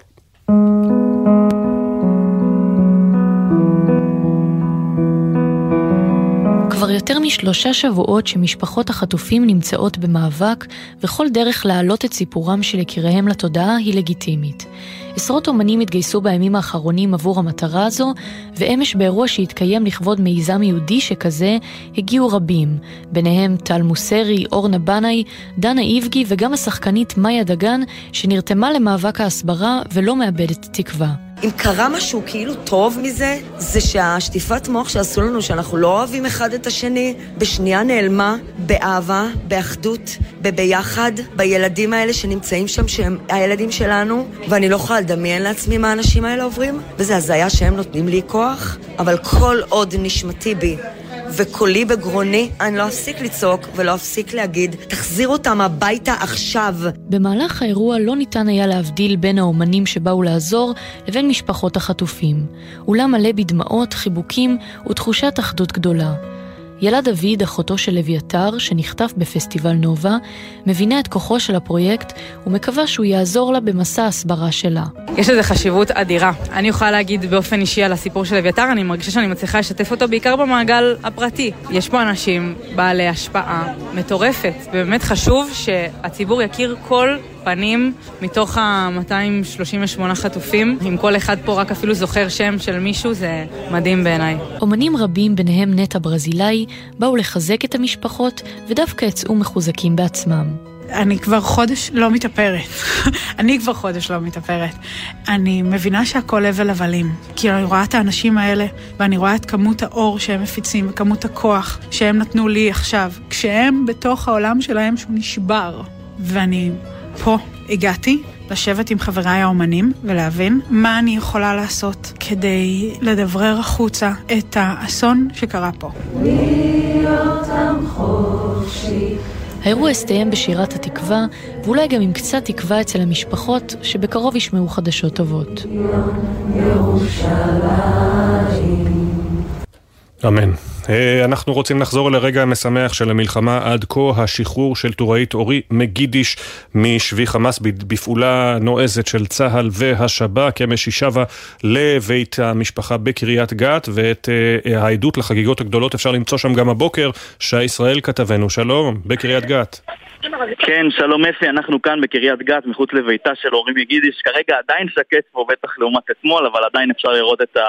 שאריות של החגיגות אתמול, את שאריות הקונפטי, היו פה קונפטי, זיקוקים, מאות אנשים הגיעו לכאן, ראינו שמע, ושמענו חגיגות גדולות, גם בתוך הבית, גם מחוץ לבית, גם בתוך הבית שאורי מגידיש נמצאת בו כרגע. איתנו נמצאת יעל, שכנה של אורי, שזכתה להיות הראשונה שפגשה את האתמול אחר הצהריים, הגיעה לבית המשפחה. יעל, ספרי לנו על רגע הפגישה. בוקר טוב, אה, אז אה, ככה, ישבנו למטה אני וחברה, ופתאום אה, באה ולא הבנו כאילו מה קרה בדיוק, רק ראינו אותה ופשוט חיבקנו אותה וזה היה... זה היה הרגשה מיוחדת. חלמנו על החיבוק הזה, כל היום תפילות, כל היום אתה מתפלל לבורא עולם שיחזיר אותה. וכשזה בא, אז אתה לא מאמין שזה קורה, אבל כמובן שמאמינים. ובסוף זה קרה. ואיך המשפחה, איך התחושות פה בקריית גת? אה, תחושות של שמחה, שכחנו כבר מהמלחמה, מרוב שכיף. אבל אה, אין, איזו תחושה מיוחדת, סוף סוף שמחה קצת, סוף סוף קצת לשמוח, לצחוק, לרקוד, שאנחנו כל הזמן אה, קבועים.